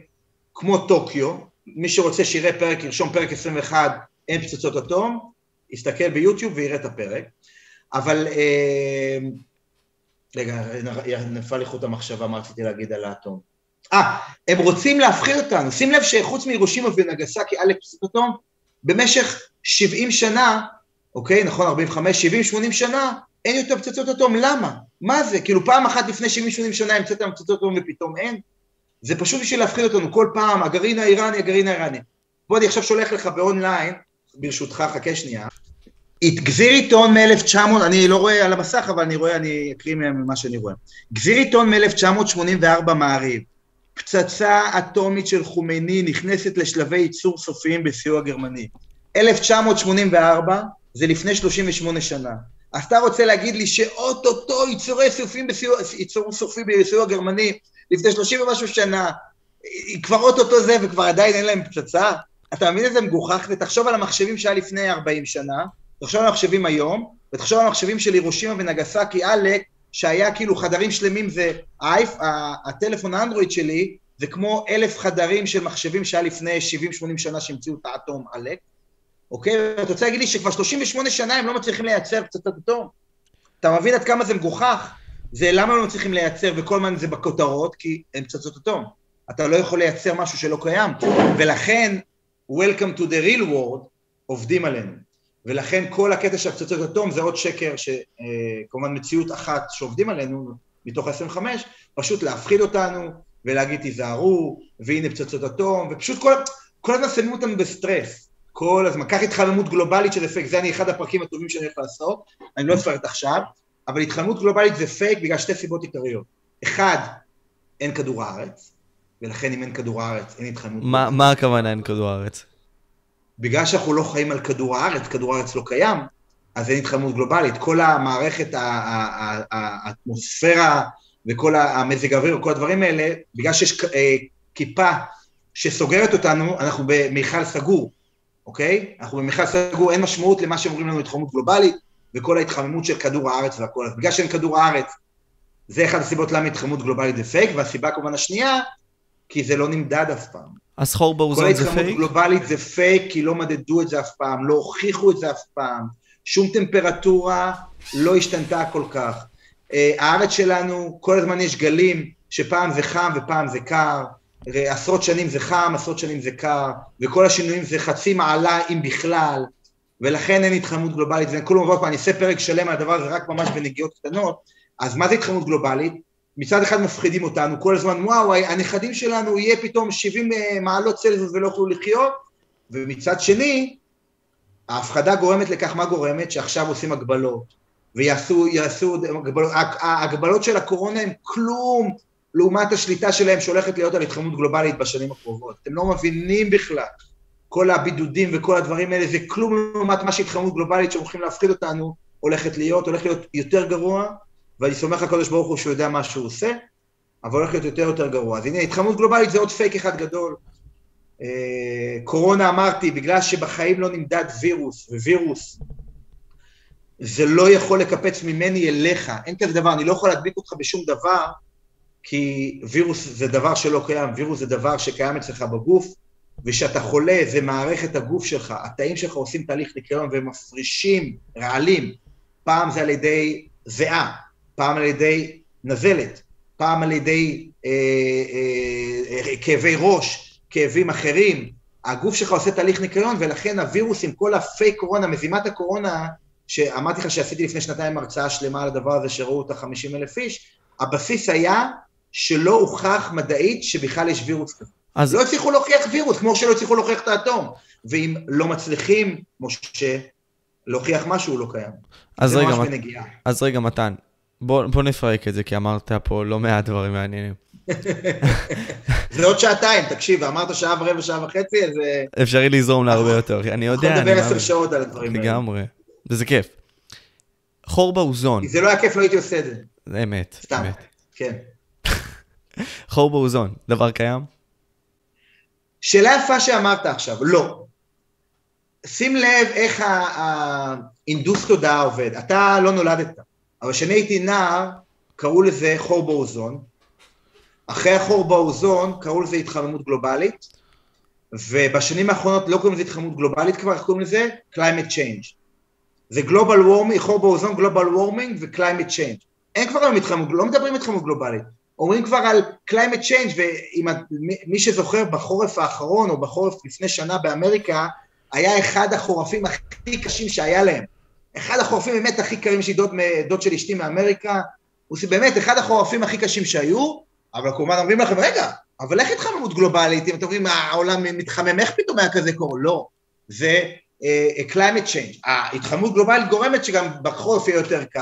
מחרטטים אותנו, חבר'ה, תתעוררו, מחרטטים את האימא שלנו. אבל המושגים מתחדדים, מתן. חום באוזון והתחממות גלובלית, כן? אבל מושגים מתחדדים לדעתי, לא יכול להיות דבר כזה במדע? שמה? שמושגים מתחדדים. יכול להיות, אבל אתה רואה את האינדוס תודעה שהם עושים. אמרתי לך, אם היה מדיד, אם היו אוטו בשנות ה-60 שהוא היה בצורה כזאת, ואחרי זה מכונית, זה דבר מדיד, ואחרי זה מכונית בשנות ה-90, ועכשיו מכונית אוטונומית ב-2022, הדברים האלה מדידים, אוקיי, אבל לא נדבר גם על מהירות האור, כי מהירות האור היא לא 300 אלף קילומטר בשנייה, עשיתי על זה פרק 44, פרק שלם על זה, אני לא אפרט עכשיו כי לא יהיה לנו זמן, אבל דברים כן מדידים, אוקיי, ולא מהירות האור, כי מהירות האור היא מהירות אחרת, זה מהירות התנודה באתר ולא מהירות האור, אבל דברים כן מדידים כמו מכוניות, אז אני וואלה, זה מאמין, ובאמת יש אבולוציה, ואתה יכול אפילו עכשיו להגיד אבולוציה של המכוניות, אבולוציה של המטוסים, כי זה דברים מדידים וקיימים, ומה שקרה קיימים, אבולוציה של מכשירים כאלה. אני זוכר שהייתי בצבא, אוקיי? שהייתי מ"מ ב-97, היה לי את הנוקיה השמנים האלה, אני זוכר שעליתי בגדוד, לא משנה איפה הייתי בגדוד, עליתי רק לגבעה בשביל לקלוט איזה שני פסים של קליטה. אז יש אבולוציה מכזה מכשיר, עוד פעם, לא, זה לא המכשיר הפלאפון שפעם היה, בשנות ה-80, אבל היה מכשיר פי ארבע או פי זה, אז יש אבולוציה של דברים מדידים. אבל דברים לא מדידים, הנדוס תודעה. אז, אז, פה, אז פה מתן, אני אתן פרספקטיבה מעט שונה. עשיתי ראיון ממש לפני קצת זמן עם מישהו שהוא חוקר מקרא, והוא מת, מתעסק בארכיאולוגיה וכל מיני כאלה. עכשיו אני מאוד הייתי בגישה הזאת שלך. אין הוכחה, אין אמונה. ככה תמיד אומרים, וזה נכון, עד איזשהו שלב. שנייה, שנייה. שים לב, אני מדבר על מדע, אני לא מדע. לא מדבר על אמונה. אמונה אתה יכול להגיד שיש קדוש ברוך הוא, ש... אני לא... לא, ארכיאולוגיה. ארכיאולוגיה אפשרי למצוא את זה. גם יציאת מצרים, שאני מאמין בה, אי אפשר להוכיח אותה. אבל ארכיאולוגיה אפשרי למצוא. אה, הרבה מהארכיאולוגיה מפוברקת, רק שתדע. אז, אז, אז, אז אתה רואה, אוקיי, אני אנסה לתת את זה לפי הדוגמה שלי, ואחרי זה משם אני אזרום. נניח, הוא אמר לי, תשמע... הפירמידות, בוא נדבר על הפירמידות. לא, נכון? אני פשוט אתן את הדוגמה ואחרי זה אנחנו נזרום. לא, לא, זה לא הפירמידות. היה שפה, בסדר? אומרים שבממלכה המאוחדת, אני לא יודע, בתקופה הזאת של 900 לפני הספירה, לא היו שפה, לא הייתה שפה. כלומר, לא היו, אף אחד לא רשם שפה. עד המאה הרביעית מצאו אז כתבים של שפה וכל מיני כאלה. בכנען. אבל לפני כן כן היו. במקומות אחרים ובאזורים ליד כנען. אבל בכנען לא הייתה. אז מה, הם לא רשמו? אתה מבין? איך שרשמו. אז זהו, זה העניין. זה... אבל אין הוכחה לזה. הוכחה אמפירית, כלומר, ממצא ארכיאולוגי. אז אי אפשר להגיד את זה, אי אפשר להוכיח בוא, את זה. בוא אני אספר לך משהו על, ואני הולך לעשות כמה פרקים על ה, הרבה מההיסטוריה המפוברקת. קח את ה... איך קוראים לזה? את הפירמידות. סגור. הפירמידות עשו אותם לפני 3,000, 4,000, 5,000 שנה, ומה אומרים לנו? שהביאו אבנים גדולות במאות קילומטרים על אה, סלילים כאלה של... נכון? וככה בנו את הפירמידות, נכון? בערך, משהו בסגנון הזה. זה מה שההיסטוריה היום הכרונולוגית מספרת לנו. פייק אחד גדול. שים לב מה אני אומר לך עכשיו. ואני הולך לעשות את זה בפרק החדש, שאני אעשה עוד כמה חודשים בעזרת השם אם יהיה לי זמן. הפירמידות נוצקו במקום, כמו שבית בטון, אני גר עכשיו בבית בטון, הבטון יוצק במקום. אוקיי, הבלוקים לא, הבלוקים הביאו אותם ממקום, אבל הבית מבטון, הבטון נוצק במקום. ולכן כל האבנים של הפירמידות נוצקו במקום, לא העבירו אותם מאף מקום אלפי קילו, מאות קילומטרים, נוצקו במקום. זה דבר אחד על הפירמידות. ודבר שני על הפירמידות, זה רק במאות שנה האחרונות הפירמידות נוצרו. זה לא אלפי שנה. אם היית הולך עכשיו לתקופת המקרא, ואם, עזוב, אם היית הולך עכשיו לכל התקופה של כל רש"י ורמב"ם וכל הדברים האלה, אף אחד לא דיבר בכלל, בחיים לא דיברו על פירמידות. היחיד שדיבר על פירמידות זה יוספוס פלביוס, שאמר מילה אחת פירמידות, ויוספוס פלביוס הוא מפוברק, כן, אני, אומר הרבה דברים, הרבה אנשים חושבים מה אני משוגע וזה, יוספוס פלביוס, כמו הרבה הרבה היסטוריונים שהיו בעבר, לא היו קיימים באמת, ופשוט הנדסו את ההיסטוריה שלו לפני מאות שנים. והוא אמר על פירמידות, הוא היחיד בכל ההיסטוריה של האלפי שנה האחרונות, היחיד שאמר, לא, לא רק על היהודים, אני מדבר גם על הגויים, אוקיי? גם על ה... לא דיברו אף אחד על פירמידות, הפירמידות צצו רק לפני מאות שנים, ולמה לא דיברו על פירמידות? איך אתה יכול לדבר על משהו שלא היה קיים? ולכן הפירמידות נוצקו במקום לפני כמה מאות שנים בלבד. אוקיי. אני יודע שדברים אה, מסמרי שיער, וכמה אני משוגע וכמה זה. לא, לא, לא, לא. אם תחשוב על ההיגיון, תחשוב על ההיגיון, מה יותר הגיוני לצקת פירמידה במקום. אה, ברור לי יותר. ודרך אגב, יש כאלה טכנולוגיות, ומאשר עכשיו להביא מאות, אה, עשרות אלפי עבדים. לא, מתן, מתן. יש עוד הרבה הרבה דברים, למה היסטוריה... אני לא אומר שאתה לא צודק. באמת שאני לא אומר את זה. מעניין אותי פשוט לאתגר את הגישה שלך, זה העניין. אז נניח, אמ, קודם כל לא היו מצלמות עד לפני הרבה מאוד זמן, אז גם לא הייתה אפשרות לצלם את זה, נניח הוכחה. עכשיו בכתבים אתה אומר לי שחלקם מפוברקים, נגיד יוספוס פלביוס שהיה חי לפני אלפיים שנה הרבה בערך. הרבה מפוברקים, כן. אז, אז, אז אוקיי. אתה לפי... יודע למה מפוברקים? כי הוא היחיד שאמר פירמידות. לא יכול להיות שאף אחד מההיסטוריה לא אמר פירמידות והוא היחיד שאמר פירמידות, ולכן אתה מבין שאת הפירמידות השתילו רק במאות שנה האחרונות, ולכן הוא לא קיים. גם אריסטסטונס, שהוא עשה באלכסנדריה וכל הדברים האלה, עם השמש והכל, אוקיי? גם הוא לא היה קיים באמת. פשוט יצרו אותו לפני כמה מאות שנים, וככה הלבישו על ההיסטוריה שלו ועל הניסוי שלו וכל הדברים האלה. אז מה קיים בעולם שלך, מתן? מעניין אותי לשאול את זה. יש הרבה הרבה דברים. אני יכול להגיד לך מההיסטוריה, תראה, אני בחור שמאוד מדעי, אשתי אומרת שאני לא קצת בשקט, אני צועק, כשאני מתלהב אני צועק, אז אני מנסה לדבר פחות בשקט. זה אומר שהאווירה טובה. אה, אני לא היסטוריון, שיהיה ברור, אני לא סבלתי היסטוריה, אבל אה, אני לומד שהרבה דברים מההיסטוריה שלנו לא נכונים ומפוברקים. בואו אני אתן לך דוגמה, גם פרק שאני אעשה בעתיד הקרוב, על, על הציונים. אתה ידעת שהרצל רצה לנצר את העם היהודי? שמעתי על זה משהו. זה? אז בואו, הוא כתב בספרו, הרצל, החוזה היהודים, רצה לנצר את העם היהודי. ועוד הרבה הרבה מהמנהיגים הציונים הראשונים רצו לנצר אותם. אתה מבין? ובוא אני אגיד לך עוד משהו. אה, מדינת ישראל, אוקיי, או הציונות קמה על ידי הבונים החופשיים. המטרה שלהם הייתה להכיל את היהודים במקום אחד. ודרך אגב, וכל הדברים האלה אני נותן אה, את הקרדיט לרב דוב ברקוביץ', זיכרונו לברכה, שהיה אחד האנשים הכי חכמים שאני מכיר, הוא רשם ספרים שלמים על הציונות ועל השקרים של הציונות, הוכחות, הוא מראה לך הוכחות, מראה לך ציטוטים של אותם ציונים יהודים שהם בכלל ציונים נוצרים, ומראה לך את כל ההיסטוריה של הבונים החופשיים של הנוצרים, מראה לך, סליחה, לא של הנוצרים, של הציונים, קשה לי להגיד, כן? הבונים החופשיים הציונים, שהם למעשה היו נוצרים, ומראה לך את כל ההוכחות המדעיות, ההוכחות, ה... זאת אומרת, הוכחות אמיתיות. אז הרב דב ברקוביץ', זיכרונו לברכה, אה, הוא למעשה היה, והפרק שאני אעשה, הרבה אני אקח מה, מהדברים שלו. אז, אה, אז גם הציונות שלנו, שאנחנו פה, עכשיו עוד פעם, תזכור, אלוקים עושה את הכל, ומתוך שלא לשמה, בא לשמה. כלומר, גם שהציונים, הציונות, שהם היו נוצרים, רצו להביא את היהודים להכיל אותם במקום אחד, הבונים חושבים רצו להכיל אותם במקום אחד, שנהיה נוצרים, בסוף הגולם קם על יוצרו ואנחנו עכשיו יותר אורתודוקסים. אוקיי? וארץ וה, ישראל למעשה עכשיו מיושבת על ידי יהודים, אנחנו לא נדבר עכשיו על מדינת ישראל, כי זה גם משהו אחר לגמרי, אני לא אדבר על זה עכשיו, אבל ארץ ישראל היום מיושבת על ידי יהודים, אה, שבאמת יהודים, אורתודוקסים, עכשיו גם האורתודוקסים, אני לא אפתח את זה עכשיו, כי על הפרושים והכול, הצדוקים והפרושים, אני גם על זה לא אדבר עכשיו. אתה, אתה מחייך, אבל תדע, אני יכול כאילו עכשיו, אה, כי יש הרבה הרבה שקרים בכל מה ש... גם על האורתודוקסים וגם על הפרושים וגם על הצדוקים. אז, אה, אז זהו, אז מתוך שלא בא, שמע, הבונים החופשיים רצו לנצר אותנו, ובסוף אלוהים גרם לכך שנהיה פה בית יהודי אמיתי בארץ ישראל.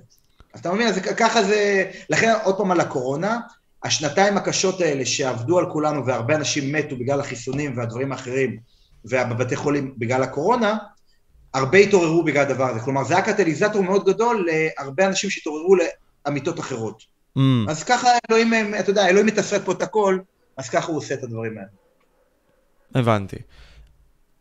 אבל אתה לא חושב שגם האלוהים, ואנחנו עכשיו ממש ניכנס בכמה דקות שיישארו לנו לעולם השטוח, בקטע הזה שזה עוד איזה 25, 25 דקות יישארו לנו 20 דקות כזה.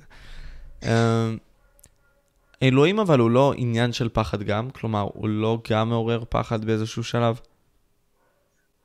בוא נגיד לך ככה. או אמונה. שנייה מילה על האלוקים. עד לפני חמש שנים וחצי האמנתי בקדוש ברוך הוא, אבל לא יכולתי להוכיח את זה, כי אמונה אי אפשר להוכיח. היום, בגלל שאני יודע שהעולם שטוח, ועולם שטוח זה, אנחנו חיים בצלחת מישורית, עכשיו חברים שלי מתווכחים על זה, יש כאלה שאומרים שאנחנו, מישור אנחנו בטוח, אני אומר שאנחנו גם צלחת במישור, יש כאלה שאומרים שזה מישור, ויש רקיע כמו קערת סלט הפוכה שסוגרת אותנו ברקיע. בגלל הדבר הזה שאיך שזה קיים, חייב מישהו לברוא אותם. אין ענני כוכבים ומפץ גדול, או, או הטבע שיצר את כדור הארץ ולאט לאט התחמם והתקרר והתקרר עד שנוצרו היבשות והאבולוציה. אין, אין אבולוציה כמובן, אבולוציה זה פייק אחד גדול, למה גם היא פייק? דרך אגב, כי היא בחיים לא הוכחה, אבל זה נשים את זה בצד. אבל אה, אה, איך קוראים לזה? וואי, ברח לי, עוד פעם ברח לי, אני מדבר על אמ, אמ, אמ, אמרת על העניין הזה, אנחנו דיברנו אה, עכשיו. בגלל שאנחנו חיים בכזה דבר, אז אלוהים חייב להיות. חייב מישהו לברוא אותנו. כן. ובגלל שחייב מישהו לברוא אותנו, חייב להיות בורא ואלוקים. לכן היום אני יודע שיש אלוקים ואני יודע שיש בורא. דרך אגב, רוב החברים שלי הם אתאיסטים, חילוניים, שלא מקיימים אף מצוות, אבל מהאתאיסטים הם האמינו עכשיו באלוקים. עכשיו, הם קוראים לו לפעמים ישות, הם קוראים לו בורא, הם לא אומרים בכך אלוקים או השם או משהו כזה, לא משנה מה, אבל הם מבינים שיש מישהו שלא בני אדם ולא הטבע, מישהו תבונתי שיצר אותנו. אז אוקיי. אז לשאלתך לאלוקים, היום זה מאוד פשוט. ברגע שאני מבין שיש אלוקים, זה לא קשור לפחד, אני יודע שאלוקים, לא רק אמונה, ידיעה גם, שאלוקים יצר. ועכשיו, בגלל שאיך שאני נמצא, איך שאני כמתן, כבן אדם, אוקיי? יש לי מחשבה, יש לי רגשות, יש לי יצרים. אוקיי, דיברתי על זה באחד הפרקים, נראה לי פרק 49 על הרוע, למה אלוקים ברא את הרוע, אז גם על היצרים דיברתי. למה יש יצר הרע? אם לא היה יצר הרע, אתה יודע מה היה קורה? מה היה קורה? היינו מתים משעמום. אם לא היה יצר הרע, כי יצר הרע כמה שהוא רע, אבל הוא נותן לנו פלפל לחיים. אוקיי? ואלוקים נתן לנו את התורה, עוד פעם, אני לא חס מנסה להחזיר אנשים בתשובה, כן? אני רק מנסה להסביר את ההיגיון. אלוקים נתן לך בתורה כללים בשביל לנצח או, או להקטין את יצר הרע, כי אי אפשר לנצח אותו, להקטין. לדוגמה, אוקיי? אוכל. אתה לא יכול עכשיו לאכול כל דבר, יש לנו את יצר, אה, יש לנו את יצר הבשר, אוקיי? ומה לעשות, יותר, הרבה חברים שלי הם צמחוניים, טבעוניים, אני מצהיר פה, בשר זה אחד מהיצרים שאני הכי אוהב, ואני אמשיך לאכול בשר, מצטער לכל חברים. זה באמת טעים. אין מה לעשות. אין מה לעשות. זה יצר, אבל בגלל שהיצר הזה של הבשר, אז אלוקים נתן לך חוקים. אסור בשר וחלב, אתה צריך ככה וככה, אתה צריך לשחוט את הכשר, רק חיות טהורות, רק חיות... הוא נותן לך חוקים, אתה לא יכול לעשות מה שאתה רוצה. בואי נדבר על יצר המין. הנה, אשתי, אשתי נמצאת פה עכשיו גם באיזה. יצר המין. מצד אחד כולנו, מי שגבר, על הנשים אני לא מדבר, אני מדבר על הגברים, אלוהים ברא לנו יצר מין. מצד אחד, אתה, יש לנו יצר מין, נותן לנו תאוות לחיים, נותן לנו עניין בחיים, אבל מצד שני הוא נתן לך חוקים. הוא נתן לך שאתה צריך עם אישה אחת, אוקיי? למרות שבתנ"ך היה מותר כמה, לא משנה, אבל עם, אישה אחת מותר לך, יש את הנידה. אתה שב... בתנ"ך זה היה, בתורה זה היה שבוע לשמור, עכשיו בתורה שבעל פה זה שבועיים, אבל ימי נידה, שתהיה לך כחדשה. כלומר, אתה לא יכול לעשות מה שאתה רוצה, אתה צריך לשמור עכשיו שזה, ועוד הרבה הרבה דברים שהלכות נידה, הלכות בינו ובינה, אוקיי, שאתה לא יכול לעשות כל מה שאתה רוצה. יש לך יצר, אבל יש לך חוקים בשביל להקטין את היצר או להצליח לשלוט בו. וככה יש עוד הרבה הרבה יצרים אחרים. ותאמין, אם לא היה את היצרים האלה, היית מת משעמום, זה אחד. ושתיים, כל הקדמה. דרך אגב, יצר ההישגיות. כולנו יש לנו את היצר ההישגיות והקנאה. אם לא היה לנו את היצר ההישגיות וההגשמה העצמית, לא היה קורה כלום באנושות, האנושות לא הייתה מגיעה לאף מקום. כי כל הדברים האלה, גם לי יש הגשמה עצמית, אוקיי? לכולנו יש את היצרים האלה. ואם לא היה לנו את היצר הזה, עכשיו לפעמים היצרים האלה הם לא טובים, אתה בהגשמה עצמית אתה דורך על אנשים, אתה לא רואה אף אחד ממטר, אתה מלכלך על אחרים בשביל להיות אתה מוביל.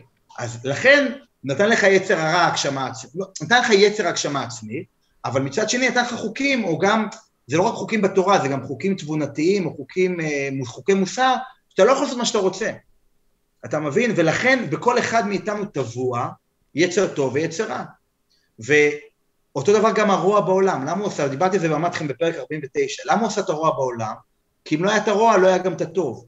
ואם יש את הרוע, אתה מעריך את הטוב. ודרך אגב, גם אם יש את הטוב, אתה, מעריך, אתה מבין מה זה הרוע. אז, כלומר, הדברים האלה ביחד, כמו חושך ואור, אור וחושך, הדברים האלה ביחד, ולכן כל הדברים האלה נוצרו בשביל, אה, וזה אלוהים יצר, אתה מבין? בכל אחד מאיתנו, ככה הוא ברא אותנו, את היצרים האלה והכל. לכן אני לא יודע אם זה פחד או לא פחד, לשאלתך, אבל uh, ככה הוא ברא אותנו. ודרך אגב, זה שאני מאמין ויודע, ככה אני אופטימי יותר, וככה בכיף אני עוברתי את השנתיים האלה של הקורונה בסבבה, ונותן לי הרבה ביטחון, כי אם הייתי יודע שאין מישהו שמנהל פה את העולם, ולא, הבונים החופשיים, אלוהים מנהל אותם, אם לא הייתי יודע שיש מישהו מנהל העולם, הייתי שבוז מאוד.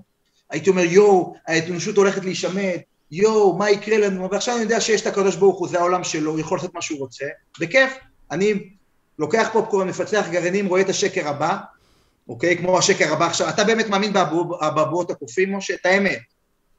לא, לא חקרתי על זה מספיק בשביל... מחרטטים אותנו, מחרטטים אותנו, תתעוררו. לא, התמונות משתנות, אבל עוד פעם, אי אפשר להגיד עכשיו... אני עדיין לא יכול להגיד את הדעה שלי, כי כל פעם התמונות משתנות, זה, לא יודע מה להגיד לך. אין לי דעה מספיק מבוססת על זה, כי זה היה לפני כמה ימים רק. אני, אני לפחות חקרתי על הקורונה בשביל להגיד את הדעה שלי. עכשיו... מה הדעה שלך על הקורונה, אתה אומר אותה? אני אמרתי את הדעה שלי. בכללי אני חשבתי ש... זה בכוונה פשוט עושים לנו את זה, אני חושב שהמחלה עצמה קיימת. השאלה... לא, לא קיימת. מבחינתי היא קיימת, 아, אה, אבל... אוקיי. ההפחדה והשליטה בעצם, זה דבר שהוא לא בסדר. כלומר, הם עושים את זה בכוונה בשביל שליטה עולמית אחת. זה כן, אני מסכים, בסדר? אבל אני מסכים, אני חושב שמחלת הקורונה כן קיימת, ובכוונה הנדסו אותה, בשביל לעשות את המהפכה הזאת. זאת הדעה שלי. אתה ראית את הסרט רונין?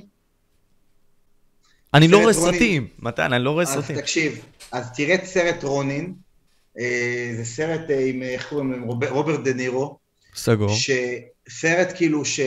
שהוא, רוברט דה נירו היה מה-CIA אם אני לא טועה, וכל המטרה שלהם היה לתפוס איזה מחבל אירי, וכל הקטע היה מזוודה, אוקיי? מזוודה, שבה היה סודות מאוד גדולים, וכל הסרט נסוב אחרי כל המזוודה, כי הרשע ניסה להשיג את המזוודה, סרט באמת פעולה, מתח מדהים והכול, ובסוף הצליחו לתפוס את הרשע או הרגו אותו, אני כבר לא זוכר, אבל בסוף הסרט אה, הוא מנסה להבין, אוקיי, מה היה במזוודה? ותכלס לא היה באמת כלום, או שאף אחד לא יודע, או שכאילו מזוודה הייתה סתם סיבה לעשות את כל המשחק בשביל בסוף לתפוס את המחבל. אז אותו דבר עם הקורונה, שהיא לא קיימת בכלל, אבל כמו שלפחות אנחנו במש... מסכימים שהשליטה וכל ההפחדה וכל הדברים האלה משותף, גם אתה מסכים לדבר הזה, כל הקורונה שהיא לא קיימת מבחינתי ומבחינתך היא סתם מחלה, כל זה היה באמת לא בשביל הקורונה, הקורונה היא סתם אה, אמצעי. המטרה האמיתית זה היה השליטה וההפחדה ואנחנו רק מתחילים את הדרך, רק שתדע, יהיה יותר גרוע. גם אנשים שהם לא קונספירטיביים, אנשי מדע, פרופסור יוסף אגסי, שהוא פילוסוף, פילוסוף ישראלי, בא וחקר את הפילוסופיה של המדע, בן אדם שהוא... בן, איש מדע, אמר לי, אנחנו הולכים לשליטה אחת עולמית. כלומר, אנשים נכון. שהם גם אנשי מדע מבינים את זה. אז אתה... זה, לא, זה לא להיות קונספירטור, זאת אמת. לא, אבל אם הייתי אומר לך לפני שנתיים, הייתי אומר, אני האמנתי לזה. שאני יכול לדבר, היינו קונספירטורים חבל על הזמן. נכון, את זה אני מסכים. ראית מה קורה ב-28 למאי או ב-27 למאי? מה יש ב-28 למאי? שהמדינה שלנו הולכת להיות תחת ה-WHO במקרים חריגים. אה. אז אמרת ב-27 לחמישי או 28 לחמישי. 27, עכשיו כאילו משהו עוד כמה ימים, מה שקורה, הולכת לעבור כאילו, אה, זה שבעתות משבר של מגפות, מי שהולך לה, להחליט על מדינת ישראל מה לעשות זה WHO, ארגון הבריאות העולמי. אז כשאנחנו תמיד דיברנו על אה, אה, אה, ממשלה אחת, WEF, כל אלה. ברור, אמרו מה אתם מקשקשים. הנה, עכשיו רואים את זה, סוף סוף עכשיו, ערוץ בשבע, עיתון בשבע, היום פרסם את זה, נראה לי הוא היחיד שפרסם על הדבר הזה. אנחנו כבר מכירים את זה כבר כמה שבוע, שבועיים, שאו-טו-טו בסוף מאי הולך להיות הדבר הזה. אז תמיד זה, אתה יודע, אתה מכיר מה ההבדל בין קונספירטור ואיש של אמת? מה, מה ההבדל? מה ההבדל בין קונספירטור ואיש של אמת? מה ההבדל? חצי שנה. נשמע כמו בדיחה, אבל זאת האמת. זה האמת, תקשיב. אתה תראה גם עולם שטוח. הנכד... הילדים שלי והנכדים שלך, נכון, הילדים שלי הנכדים שלך, לא, או הילדים, לא משנה, הילדים הנכדים שלנו, אתה תראה שוואלה, יגידו, אבא או סבא, ברור שהעולם שטוח, ברור שהשמש מסתובבת סביבנו, מה, באמת חשבתם שאת עכשיו באוסטרליה הפוכים ואנחנו מסתובבים סביב השמש? מאיפה הבאתם את זה? זה יהיה. אתה תראה את זה. ואז יסתכלו על האלה שחשבו שהעולם כדור כ... זה. אתה תראה, זה יקרה בסוף, עוד פעם, אלוקים החליט מתי זה יקרה, אני מאמין שזה יהיה עוד 15 שנים. הנכדים שלך הילדים שלי. אמ, כן. אז בוא, בוא, בוא, אני... רציתי להתרכז עוד לא דיברנו על עולם שטוח בכלל, אבל... כן, נשאיר לזה זמן. פשוט זה... כל הנושאים האלה באמת, כאילו, אפשרי להרחיב עליהם, והם גם ממש חשובים. הרי בין אם זה עניין האלוהים, סתם דוגמה, אתה יודע מה, רציתי להיכנס לזה טיפה. כל אחד מאיתנו, אתה יודע מה, אני יכול להכתיב חוקי משחק עכשיו, ליצור משחק שיכול, לא יודע מה, לתת רק טוב. אני יכול ליצור משחק כזה ועולם כזה. אז למה שהבורא לא, לא ייצור כזה? אף אחד לא יקנה את המשחק שלך. כי אנחנו, אני אסביר גם למה. כי אנחנו בני אדם ואנחנו מונעים על פי יצרים מסוימים. אבל בתיאוריה אפשרי ליצור עולם שהוא עם חוקי משחק אחרים, ש... בסופו של יום בני אדם יהיו שונים. שבסופו של דבר, מה לא פעם לא בני אדם יהיו שונים והם יהיו מונעים מדברים אחרים. עכשיו, מס... אני מסכים איתך לגמרי שלא יקנו את המשחק שלי, אבל למה? זה כי היצר של בני האדם תלוי במשחק. כלומר, ההיצע והביקוש תלויה ביצר של הבן אדם לקנות... כי ככה אלוהים ברא אותנו, את היצרים האלה, ואמרתי עוד פעם, היצרים האלה, בהתחלה לא הבנתי למה יש יצר הרע ולמה יש את הרוע. אבל בלי הדברים האלה, היינו מתים משעמום אם לא היה את היצרים האלה. פשוט היית מת משעמום, כי לא לך, גם לא היית משיג, גם לא היית משיג שום דבר. כי היצרים האלה גורמים לך, וואלה, להשיג יותר, להיות אה, achievement יותר, להיות, אתה יודע, להשיג דברים. אם לא היית זה, אז היית סתם ככה חננה בספ, בספרייה, אה, ובסוף אה, מת משעמום, ממש ככה. ככה, ככה אני רואה את זה פה, זה וזה בסדר, מתן, זה בסדר לגמרי. טוב, ניכנס לזה. למה העולם שטוח? העולם שטוח בגלל כמה דברים. הסיבה המרכזית, אוקיי, שכל הדברים שאנחנו מודדים, מודדים, שים לב, כל דיברנו שהדברים שאנחנו לא מודדים, כל הדברים שאנחנו מודדים אותם, זה שטוח. מדידה של חוק כלים שלובים, לא משנה איפה תעשה חוק כלים שלובים, תמיד מפלסי המים יראו אותו דבר. למה מפלסי המים תמיד מראים אותו דבר, אוקיי, במערכת של מים? כי הכל שטוח. האופק, האופק תמיד ישר. ככל, לא משנה, אתה מסתכל על אופק ואתה מודד אותו, וגם אם אתה עולה אפילו לגובה, יש לי חבר, אחד החברים הטובים הוא טייס באחד החברות הישראליות, אוקיי? הוא בגובה 10-12 קילומטר. דרך אגב, הוא היה הראשון שאמרתי לו לפני חמש שנים וחצי על קיירי ארווינג ועל העולם שטוח. הוא לא בהכרח מאמין בעולם שטוח, הוא לא רוצה להגיד את דעתו, אבל הוא אומר לי, מתן, שתדע, שאני בקוקפיט ב-10-12 קילומטר, תמיד האופק שטוח. תמיד האופק שטוח. לעולם החושים שלנו והמדידות שלנו אומרות שהאופק, שאנחנו חיים ב, על משטח שטוח. תנועה נניח, אוקיי? אנחנו לא רק שאנחנו שטוחים, אנחנו גם קבועים. על התנועה, אומרים לך שעכשיו אתה נע בארבע מהירויות שונות. איפה? אף אחד לא הצליח למדוד את הדבר הזה. אתה רוצה לשמוע משהו יותר מטורף? אתה יודע שאפילו איינשטיין לא הצליח להוכיח אני תמיד שואל, דרך אגב, חוץ משאלוהים ברא אותי עם אה, הרבה, אה, אה, איך קוראים לזה, אור של פיל והרבה ביטחון עצמי והכול, אני חולה על ויכוחים, חולה על זה, אני פשוט אוהב להתווכח. והתווכחתי כבר בחמש שנים האלה עם יותר מ-4,000, 5,000 איש. ותמיד כשאני מתווכח עם אנשים, אני אומר להם, האם אתם יכולים להצליח, להוכיח לי בהוכחה מדידה האם אנחנו נעים סביב השמש, או האם השמש מסתובבת סביבנו? ואפילו איינשטיין הרמאי, הבונה חופשי הגדול, לא הצליח להוכיח את זה, הוא אמר שאנחנו לעולם לא נדע מה מסתובב סביב מה. עכשיו אני יכול להגיד לך שאני יודע שהשמש מסתובבת סביבנו, כי אם אני שם מחשב מדידה על שמש, תאודולית נניח דוגמה, שם צלב על, מחכה שעה, השמש נעה 15 מעלות בשמיים, ועכשיו אני צריך להזיז את התאודולית, אה, על התאודולית, על המחשב מדידה, אני שם גם חיישן תנועה. חיישן תנועה מראה אפס תנועה. אז תאודולית על השמש, אפס תנועה, השמש זזה שעה, ועכשיו עם מחשב מדידה אני פשוט מזיז עכשיו את הכל לשמש, ואני מודד פה שזה עשה 15 מעלות. כלומר, עם כל המחשב מדידה הראיתי שהשמש מסתובב סביבנו, ואנחנו קבועים. אתה מבין? אז ה-basic של המדידה, של המים השטוחים, האופק והתנועה, מראה שאנחנו חיים באופק, אנחנו חיים בעולם שטוח ומישורי. זה ה-basic של ה-basic של ה-basic, זה של כיתה א'. יש עוד הרבה סיבות אחרות למה אנחנו לא בכדור, שהראיתי ב-52 פרקים, אבל זה ממש ה-basic של ה-basic. מים לא מתקמרים, העולם שטוח, דרך אגב. עכשיו העניין הוא כזה, נגיד מעניין אותי, כשאתה טס במטוס, איך זה הולך נניח? אתה לא מרגיש הרי את התנועה, אתה, אתה במצב סטטי. אז אתה אומר לי בעולם שטוח זה בסדר. לא הבנתי את השאלה עוד פעם? שאתה אומר לא, למה כאילו... נגיד אנחנו במטוס, אנחנו לא מרגישים שאנחנו טס, נוסעים מהר נכון, עם המטוס. נכון, כי אומרים לנו שבמהירות קבועה אתה לא מרגיש. עכשיו שאלה לי אליך. אם נניח במטוס היית עכשיו אה, מעיף את הגג, נניח היה מטוס קבריולט, והמטוס היה נס, טס במהירות קבועה, היית מרגיש משהו? ברור, הייתי עף. אוקיי, אז זה דבר אחד. דבר שני, אין בעיה, אבל, אבל אתה נע בארבע מהירויות שונות. אתה מבין? אתה נע ככה, אתה נע מסביב לשמש, אתה נע מסביב לשביל אה, החלב, אתה נע מסביב ליקום. כלומר, כל הדברים האלה, המשמש האלה, שום דבר אתה לא, לא, לא רק שאתה לא מרגיש, אתה גם כאילו לא מדדת אותו, אין לי בעיה, אבל אתה לא מצליח למדוד את הדבר הזה. אומרים, לא, אי אפשר למדוד כי אנחנו בתוך, אנחנו, אנחנו נעים. אתה מבין? איך, ועזוב, אני שואל אותך שאלה כזאת, איך אתה יודע שאתה נע? אני שואל אותך, עכשיו בוא אני עכשיו אהיה המראיין, אה, משה, איך אתה יודע שעכשיו אתה נע מסביב לשמש? בוא. אין, אין לי הוכחה מספיק טובה. קודם כל לא קראתי את הספרות, וגם אין הוכחות מספיק בשביל להגיד. לא, לא משנה, אתה כאילו מקיים מייצג. ואז אני אגיד לך, אתה יודע שאף אחד בחיים לא מדד את המהירות שאנחנו נעים סביב השמש. אף אחד בכלל לא הצליח להוכיח שאנחנו בכלל מדד שאנחנו נעים בכלל. ואני אשחק אותה מופתע, ואני אעשה, מה? באמת? כן, אתה מבין את זה.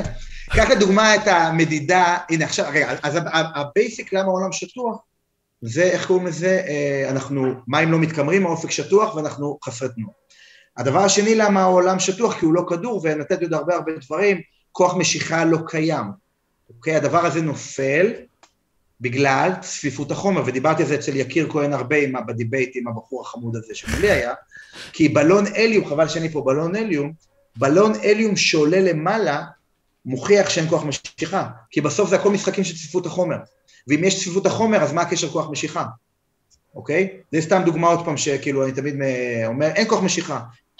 אבל בסוף הוא ירד. שיש, הוא ירד כי ההליום כבר יצא מהבלון, כי הבלון הוא לא זה, אחרי זמן מה, ההליום לאט לאט יוצא מהבלון, ואז הבלון מרחף, עומד בחדר, כי הוא בדיוק הצפיפות שלו ושל הבלון, של החומר של הגומי, בדיוק שווה כמו הצפיפות של האוויר זה, ולכן הוא מרחף כאן, ואחרי זה לאט לאט הוא ירד, כי כבר האוויר נכנס במקום ההליום, ואז הוא כבר יותר כבד, לכן הכל זה צפיפות החומר. וזה לקס, דרך אגב, אני עוד פעם מזכיר תמיד, לקס חבר שלי, שהוא אחד באמת הגאונים שלנו, שהוא אמר לי תמיד להגיד, אתם יודעים, אין בעיה, אתם אומרים כוח משיכה שזה, ולמה בלון הליום בגלל טה-טה-טה, אז אני עכשיו מכריז שיש כוח משיכה של השמיים. בלון הליום עולה למעלה, כי כוח, השמיים, כוח המשיכה של השמיים מושך אותו למעלה. נשמע לך הגיוני? אבל בלון. חרטא, נכון? זה מה פתאום, איפה, איך אתה מדבר בכלל שהם מתווכחים? מה פתאום איזה כוח משיכה של השמיים? אבל בדיוק אותו דבר. אם לטענתכם זה נמשך בגלל כוח משיכה של הארץ, בלון שעולה למעלה, נמשך למעלה בגלל כוח המשיכה של השמיים. כמובן שזה לא קיים וזה לא קיים, כן? אבל בלון זו דוגמה ש... אנקדוטית, לא? מה? אבל בלון זו דוגמה אנקדוטית, כי אם אני עכשיו אחליט לענות לקומה השמינית אצלי בבניין ואקפוץ למטה, אני לא אעוף למעלה. כאילו, אני אעוף למעלה אחרי שאני ימות, כאילו, יעלה למעלה לאלוהים. אבל למה, למה, למה תרד למטה? כי צפיפות החומר של משה יותר גדולה מהצפיפות החומר של האוויר, ולכן אתה יורד למטה. בלון אם הוא עולה למעלה כי צפיפות החומר של ההליום היא קטנה יותר מהצפיפות החומר של האוויר. בוא נשאל אותך חידה, משה. אוקיי. Okay. אני לוקח עכשיו ברזל ברזל יצוק, טונקסטן, שזה אחד הברזלים עם הצפיפות החומר הכי גדולה, ושם אותו בבריכה של כספית. אני לוקח דלי, okay. אוקיי. ושם כספית, ואני שם את הזה. מה יקרה לברזל? הוא ישקע בפנים. כמה ישקע? עד הסוף אני מניח. הוא יצוף. הוא יצוף. למה? כי כספית זה הצפיפות החומר אחת הגדולות, וצפיפות החומר של כספית גדולה יותר מצפיפות החומר של הברזל, לכן הברזל עולה למעלה וצף. פשוט ככה, החוק שאלוקים ברא הוא מאוד מאוד פשוט. צפיפות החומר גדולה יותר מהמידיום, יורד למטה. צפיפות החומר קטנה יותר מהמידיום, עולה למעלה, ולכן ברזל צף על כספית. אז רגע, צפיפ... כספית. צפיפות החומר של נגיד מים, יותר גדולה מצפיפות... אוקיי, נניח... היא אחד. אוקיי. למה עץ, למה עץ עולה למעלה? אה, כאילו, בוא נגיד אני עכשיו משחרר בעומק של עשרה מטר עץ. עץ ישר עולה למעלה כי צפיפות החומר שלו... אבל זה במים. של המים, כן. ברור, באוויר הוא יורד למטה כי הוא יותר זה. ברזל שאני עכשיו, אני בעומק של עשרה מטר ומשחרר ברזל, הברזל ימשיך ל-12 מטר, 20 מטר למטה למים, כי הצפיפות החומר שלו גדולה מהמים. אבל אם הייתי עכשיו חי בתוך בריכת כספית, והייתי עכשיו בעשרה מטר בעומק של בריכת כספית ומשחרר ברזל, הברזל היה עולה למעלה למעלה למעלה עד שהוא מגיע למי הים של הכספית, כי הכספית, הצפיפות החומר שלה יותר גדולה מהברזל. מבין? החוק שקובע למה דברים יעלו וירדו זה צפיפות החומר. ועכשיו תשאל אותי, למה זה לא הולך הצידה? למה או למעלה או למטה? מי קבע שדווקא הקל עולה למעלה והכבד עולה למטה? ואז אני אגיד לך, זה שברא אותנו, הקדוש ברוך הוא ככה הוא תכנת את העולם, לא באמת, ככה הוא תכנת את העולם. למה אני תמיד מתווכח עם אנשים? למה יש לי שני אוזניים ושני, אה, למה יש לי שני אוזניים פה בצדדים, אבל אין לי שני אפים כאן וכאן? למה? למה דווקא יש לי שני אוזניים פה? למה יש לי שני, לבב, אה, שני כלי, שתי כליות, שתי אה, ריאות, ריאה אחת, שתי ריאות ולב אחד, למה? למה אין לי שני לבבות ל... למה? ככה נוצרנו, ככה אלוקים ברא אותנו, מאוד פשוט. ולכן למה העולם ככה תוכנת, ככה הוא תוכנת וככה הוא נברא. זה מאוד מאוד פשוט, ותזכור, ברגע שאתה מבין שיש כיפה סגורה מעלינו ואנחנו פשוט במערכת סגורה, יש בורא, אלוקים, ישות, כל אחד שיקרא איך, איך שהוא יקרא, והוא יצר אותם, ולכן גם אין אבולוציה, וגם לא היו דינוזאורים. לא נדבר על זה עכשיו, אבל גם לא היו דינוזאורים. אז אני אשאל עוד שש, כמה שאלות קצרות כדי לכבד את זמנך. אה, מי האנשים שחיים בעולם השטוח הזה? לא הבנתי. מי האנשים שחיים בעולם השטוח הזה? אתה חי, גם הבונים חופשיים חיים בעולם השטוח. זה השאלה? לא הבנתי, או, כן, כן, או כן, מי כן, החבר'ה כן. שלנו. כן, כן, כן. כולם חיים. זה העולם שלנו, עכשיו זה, זה העולם השטוח, אתה אומר, כעובדה. אמ, אני רוצה, חבל שאין לי משהו להראות לך. אה, אתה רואה את זה? אוקיי. אני שם עכשיו עוד בקבוק פה של מים, אוקיי. שם צינורית שמחברת ביניהם, ואני עכשיו שואב חלק מהמים פה, המים בסוף יסתדרו לאותו זה, נכון? אוקיי. הדבר הזה, חכה שנייה, חכה כל עוד, שנייה. כל עוד זה מים. שאלת אותי, עולם שטוח, הדברים האלה. זה, אני מחבר את שניהם, בכל מקום בעולם, לכל מרחק שאתה תרצה, ותמיד המפלסים יהיו אותו דבר. אם המפלסים אותו דבר, זה אומר שהעולם שטוח. אם המפלסים היו ככה, לא, עכשיו רגע, עכשיו זה לא חוק כלים שלובים, בסדר? בוא נגיד בחוק כלים שלובים, כי אני לא מחבר, זה לא מחובר עכשיו. בוא נגיד עכשיו זה נניח אותו גובה, אם היה עכשיו עולם כדור, היית צריך לראות... אה, כיפה רגע. כזאת, לא? כן, אבל לא, אתה רואה, כאילו ככה, המפלסים לא היו אותו דבר. ועוד פעם, תחשוב, שה... תחשוב שעכשיו הם כן מחוברים, כי המים כולם מחוברים בעולם, אבל המפלסים, אתה רואה פה המפלס יותר נמוך מהמפלס הזה. אוקיי? והמים מתקרבים, כלומר, זה לא מדויק, זה כאילו... אין בעיה, אין בעיה. המים היו צריכים להיות ככה, כאילו, עקומים, כאילו, ככה. המפלסים היו אמורים להיות ככה. היום אנחנו יודעים שכל מפלסים תמיד חוקלים שלובים ככה. בכדור, במקרה, כדור, במקרה, יש לי פה כדור, באמת במקרה, תמיד היה ככה, טוב, קצת קשה לי, ל... אבל אתה מבין את כן. הקטע, המים כאילו היו לא באותו גובה. כן, כן, כן. זה בכדור. ולכן, בגלל שזה לא ככה, אז השני בקבוקי מים שאם הם מחוברים ביניהם, מוכיחים שהעולם שטוח. סגור. ככה. מאוד מאוד פשוט. אוקיי. אז רגע, עוד משהו על הבונים החופשיים, עוד משהו חשוב שבקשר לעולם השטוח. במילואים, אני כבר לא עושה מילואים כי הגעתי לשנתי 45, במילואים היו איתי שניים שהיו בונים חופשיים. כשהתחלתי לדבר על זה לפני חמש שנים במילואים, אז באו אליי ככה, צידה תדע, והראו לי אפילו את התמונות שלהם עם הסינרים של, של הג'ימל, אוקיי? יש את הסינרים של הג'ימל, של הבונים החופשיים, תראו באינטרנט איך זה נראה. ואז אני תמיד צוחק עליהם ואומר, תקשיבו חבר'ה, הם, הם, הם בונים, חוש, אה, בונים חופשיים זוטרים מאוד, כן? אני אומר להם, רק תדעו שגם עליכם עובדים. ורק הבכירים בכירים כמו פרס, או כמו אה, כל המשפחות רוקפלר, וכמו ביל גייטס, וכמו קלאוס שוואב, שאמרתי לכם, הוא הנבלה מספר 2 שקיים היום בעולם, חוץ מהמשפחות כמובן, ש, שהם גם כאילו אנשים רעים, אה, רק הם יודעים באמת את האמת, הם יודעים שאין פצצות אטום, הם יודעים שקורונה בכלל לא קיימת ולא קיים וירוס, הם יודעים גם שאין אבולוציה, והם יודעים עוד הרבה הרבה דברים. הזוטרים, ולכן אני תמיד מגחך שזה גם על, על זוטרים עובדים. הבונים החופשיים הזוטרים שהם רובם, גם עליהם יודעים, הם לא יודעים את כל האמת, הם לא יודעים שלמעשה אין פצצות אטום, הם חושבים שבאמת איראן היא מסכנת אותם, גם הבונים החופשיים הזוטרים, וגם עליהם עובדים, ואני כל כך נהנה להגיד להם את זה, לשני המילואימניקים שהיו איתי, שעליכם גם עובדים. נניח בטמפל שלהם, בהיכל שלהם, של הבונים החופשיים, יש עמודי בועז ויחיד, ויש שני כדורים, כדור הארץ והכדור של היקום. ותמיד אני אומר להם, שתדעו, אתם כאילו חושבים שבאמת יש כדור הארץ וכדור של היקום, לא משנה, היקום זה, תדעו שהבכירים מאוד שלכם יודעים שזה לא ככה, שזה שטוח. כמו דרך אגב מפת האו"ם, אתה יודע איך מפת האו"ם נראית? איך מפת האו"ם נראית? תרשום גוגל שנייה, תרשום גוגל מפת האו"ם, בוא. מפת, אה, תאיית מפת האו"ם. את האו"ם? האו"ם, לא, תרשום בעברית גם, מפת האו"ם, תראה משהו בצבע כחול. אה, מפת האו"ם. אוקיי. מפת האו"ם, כן, האו"ם, האו"ם. ה-United Nation. אוקיי, סגור. אוקיי, אני רואה כמו זה האו"ם, עם אה, UM של איך קוראים לזה, שגבעת חלפון אינה עונה. UM. כן. רגע. כאילו של הדגל שלהם? כן. מה זה? זה מפה של העולם השטוח. אתה מבין? האו"ם מראה לך. עכשיו, היום קיבלתי ממישהו, אה, יש בניין של האו"ם במערב אפריקה, נראה לי מערב אפריקה, או צפון אפריקה, אחד מהמדינות באפריקה, שאתה רואה את הבניין שלהם בנוי מ-666, ובאמצע של הזה יש מעגל, ויש מפה של העולם השטוח. אתה מבין? כאילו רומזים לך, מצד אחד רומזים לך, מצד שני, אתה, אתה מבין? זה הקטע של הבונים החופשיים, הם מגלים לך טפח ומכסים טפחיים. מצד אחד הם מראים לך, אה, הם מראים לך קצת שבילים של האמת, כמו המפת האו"ם שרואים את המפה השטוחה, מצד שני כמובן כדור הארץ.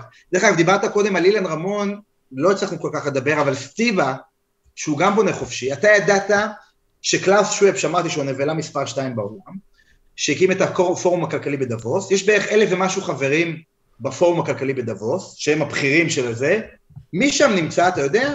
מי שם נמצא? סטיבה, תקרא בוויקיפדיה, סטיבה הוא חבר בזה של קלאוס שוואב. עכשיו אתה מבין איך הכל משחק?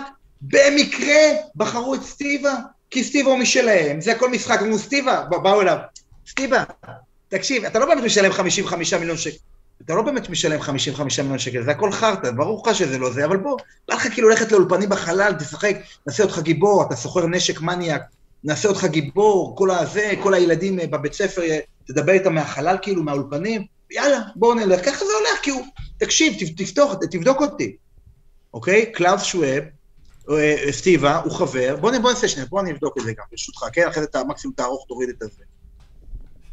תן לי שנייה, אני רושם איתן סטיבה. איתן סטיבה, גם אני עכשיו רושם. בגוגל, איתן סירי ויקיפדיה. אה, סטיב החבר, תראה את ה... לא יודע, תשלח לי את הלינק אם שלו. תוכל. רגע, או צילום מסך של זה. אחרי זה תראה זה גם. סגור. שלחתי לך. בעסקים, בזה של עסקים, בפרגרף 1, 2, 3, 4, בפסקה הרביעית, בכותרת עסקים, אוקיי. סטיבה חבר בפורום הכלכלי העולמי.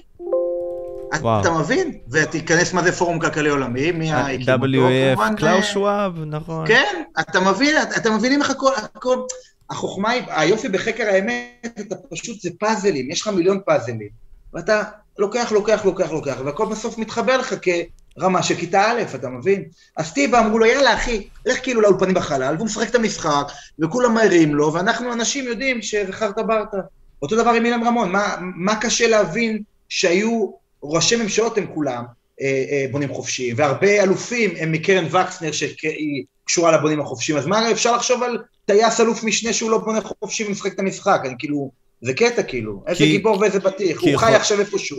כי יכולים להגיד למה קנדי, נגיד, סתם מת, אתה מבין? ולמה הורגים את המשפחה של קנדי. כדוגמה לאנשים שהם באליטה, הבונים החופשיים. אתה מבין? אה, יש הרבה עדויות שהג'ף קנדי לא באמת, עוד פעם, אני לא נכנסתי, לו, יש דברים שאתה יודע, אני לא יכול לחקור את הכל. כן, אתה... יש דברים שאני עכשיו. אגיד לך, אני לא באמת חקרתי יש גבול למתן גורדי. שג'ף קיי לא בטוח ההתנגשות הזאת הייתה קיימת באמת. אוקיי. כאילו הייתה, הכל יכול להיות, לא יודע, אני לא נכנס לזה, יש דברים שאני לא, אין לי זמן לעסוק בהכל, שאלה לא אחרונה.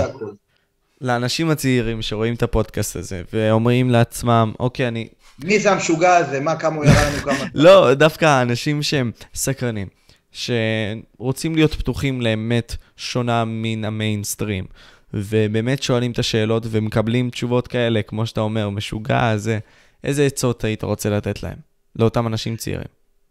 אני רוצה לה, להודות לקדוש ברוך הוא, שחוץ מהדברים הרגילים כמובן שאני מודה לו על המשפחה ועל אשתי ועל כל הדברים האחרים, על העסקים, אני יכול להגיד לכם, היו לי הרבה, אני, אני יזם נדל"ן, קט, לא קטן, קטן נניח נגיד, והיו לי הרבה ניסים כלכליים ששיחקו לי קלפים חבל הזמן שאין, זה השגחה מלמעלה. אז קודם כל שתבינו, כל מה שקורה זה הכל מלמעלה. זה מסר ראשון שיש לי להגיד לצעירים. דבר שני, אל תאמינו לאף אחד, וזה המסר השני שאני רוצה לדבר על עסקים. אני בעסקים שלי לא מאמין לאף אחד. לא מאמין לאף אחד. הרבה עסקים לא עשיתי, או הרבה עסקאות לא עשיתי, כי ראיתי שההוא משקר, או שלא האמנתי לדברים שלו, אתה יודע, אז אני מפספס עסקאות, אבל אני לא, אני לא מאמין, מה זה לא מאמין לאף אחד? ברור שבסוף עשיתי עסקאות, אבל תהיו ספקניים, אחוז שילינג ספקנים. אל תאמינו לאף אחד, תבדקו בעצמכם. הרבה דברים שאומרים לי לפני עסקה, עוד פעם, אני בכוונה מדבר עכשיו על עסקים, כן? כי על העולם שטוח ברור וכל הדברים האחרים ברור, אבל כאילו סתם אה, עצות לחיים. אם אומרים לכם משהו, תבדקו בעצמכם. אל תאמין, אל כאילו קבלו את זה מובן מאליו, אמרו את הדבר הזה. אתן לך דוגמה, המשפט שאמרתי לכם שהיה לי משפט אתמול, אה, ההיא, רק, רק בלילה שהלכתי לישון חשבתי, אז איך לא אמרתי לה, שאמרה למה אנחנו צריכים להמשיך הלאה לשלב ההוכחות, כי יש פסיקה של המחוזי שחייבים אישור רשמי. הייתי צריך לשאול אותם, איך לא שאלתי אותה, תראי לי בבקשה, תראי לשופט איפה הפסיקה, ממתי הפסיקה, ואיפה רשום ומה רשום בדיוק.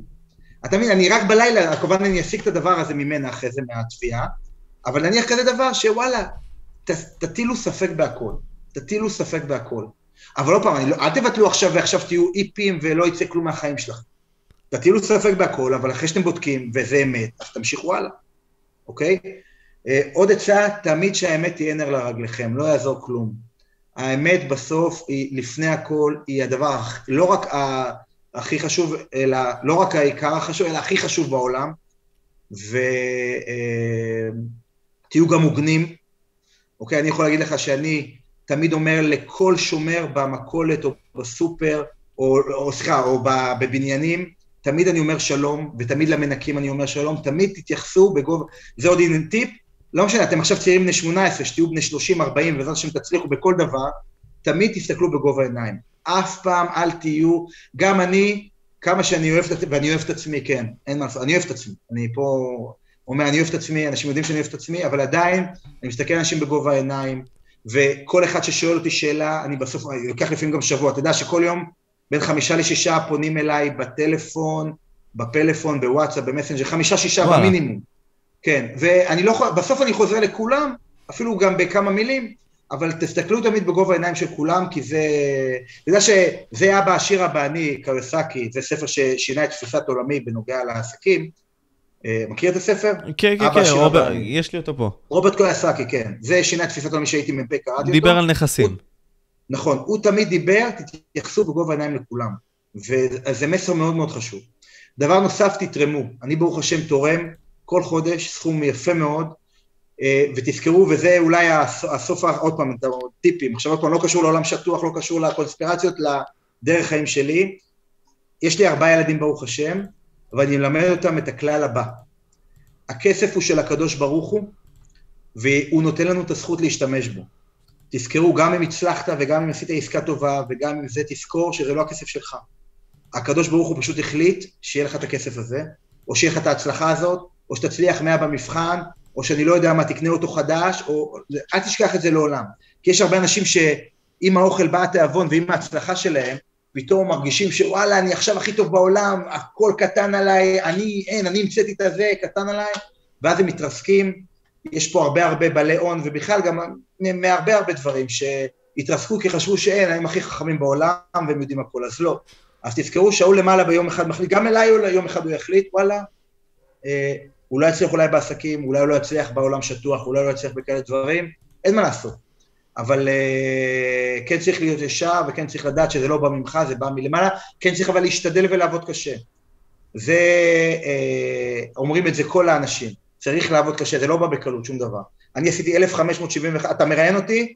בגלל שעשיתי 1,571 שקפים, שעבדתי על זה שנה וחצי. אם הייתי סתם אה, משחרר פוסט בפייסבוק ועושה דברים כאלה, בסדר, ו... וחוץ מזה כמובן שזה אמת, וזה הכי חשוב לי, אז כן זה ה drive. דרך אגב, אם זה לא היה אמת, אם זה לא היה drive, בחיים אף בן אדם לא יכל לעשות, אלף, לרשום 1,571 שקפים על אותו נושא. אין כזה דבר, תאמין. אין כזה דבר, אלא אם כן זה בלב שלך, בדם שלך, ב drive שלך, של ה...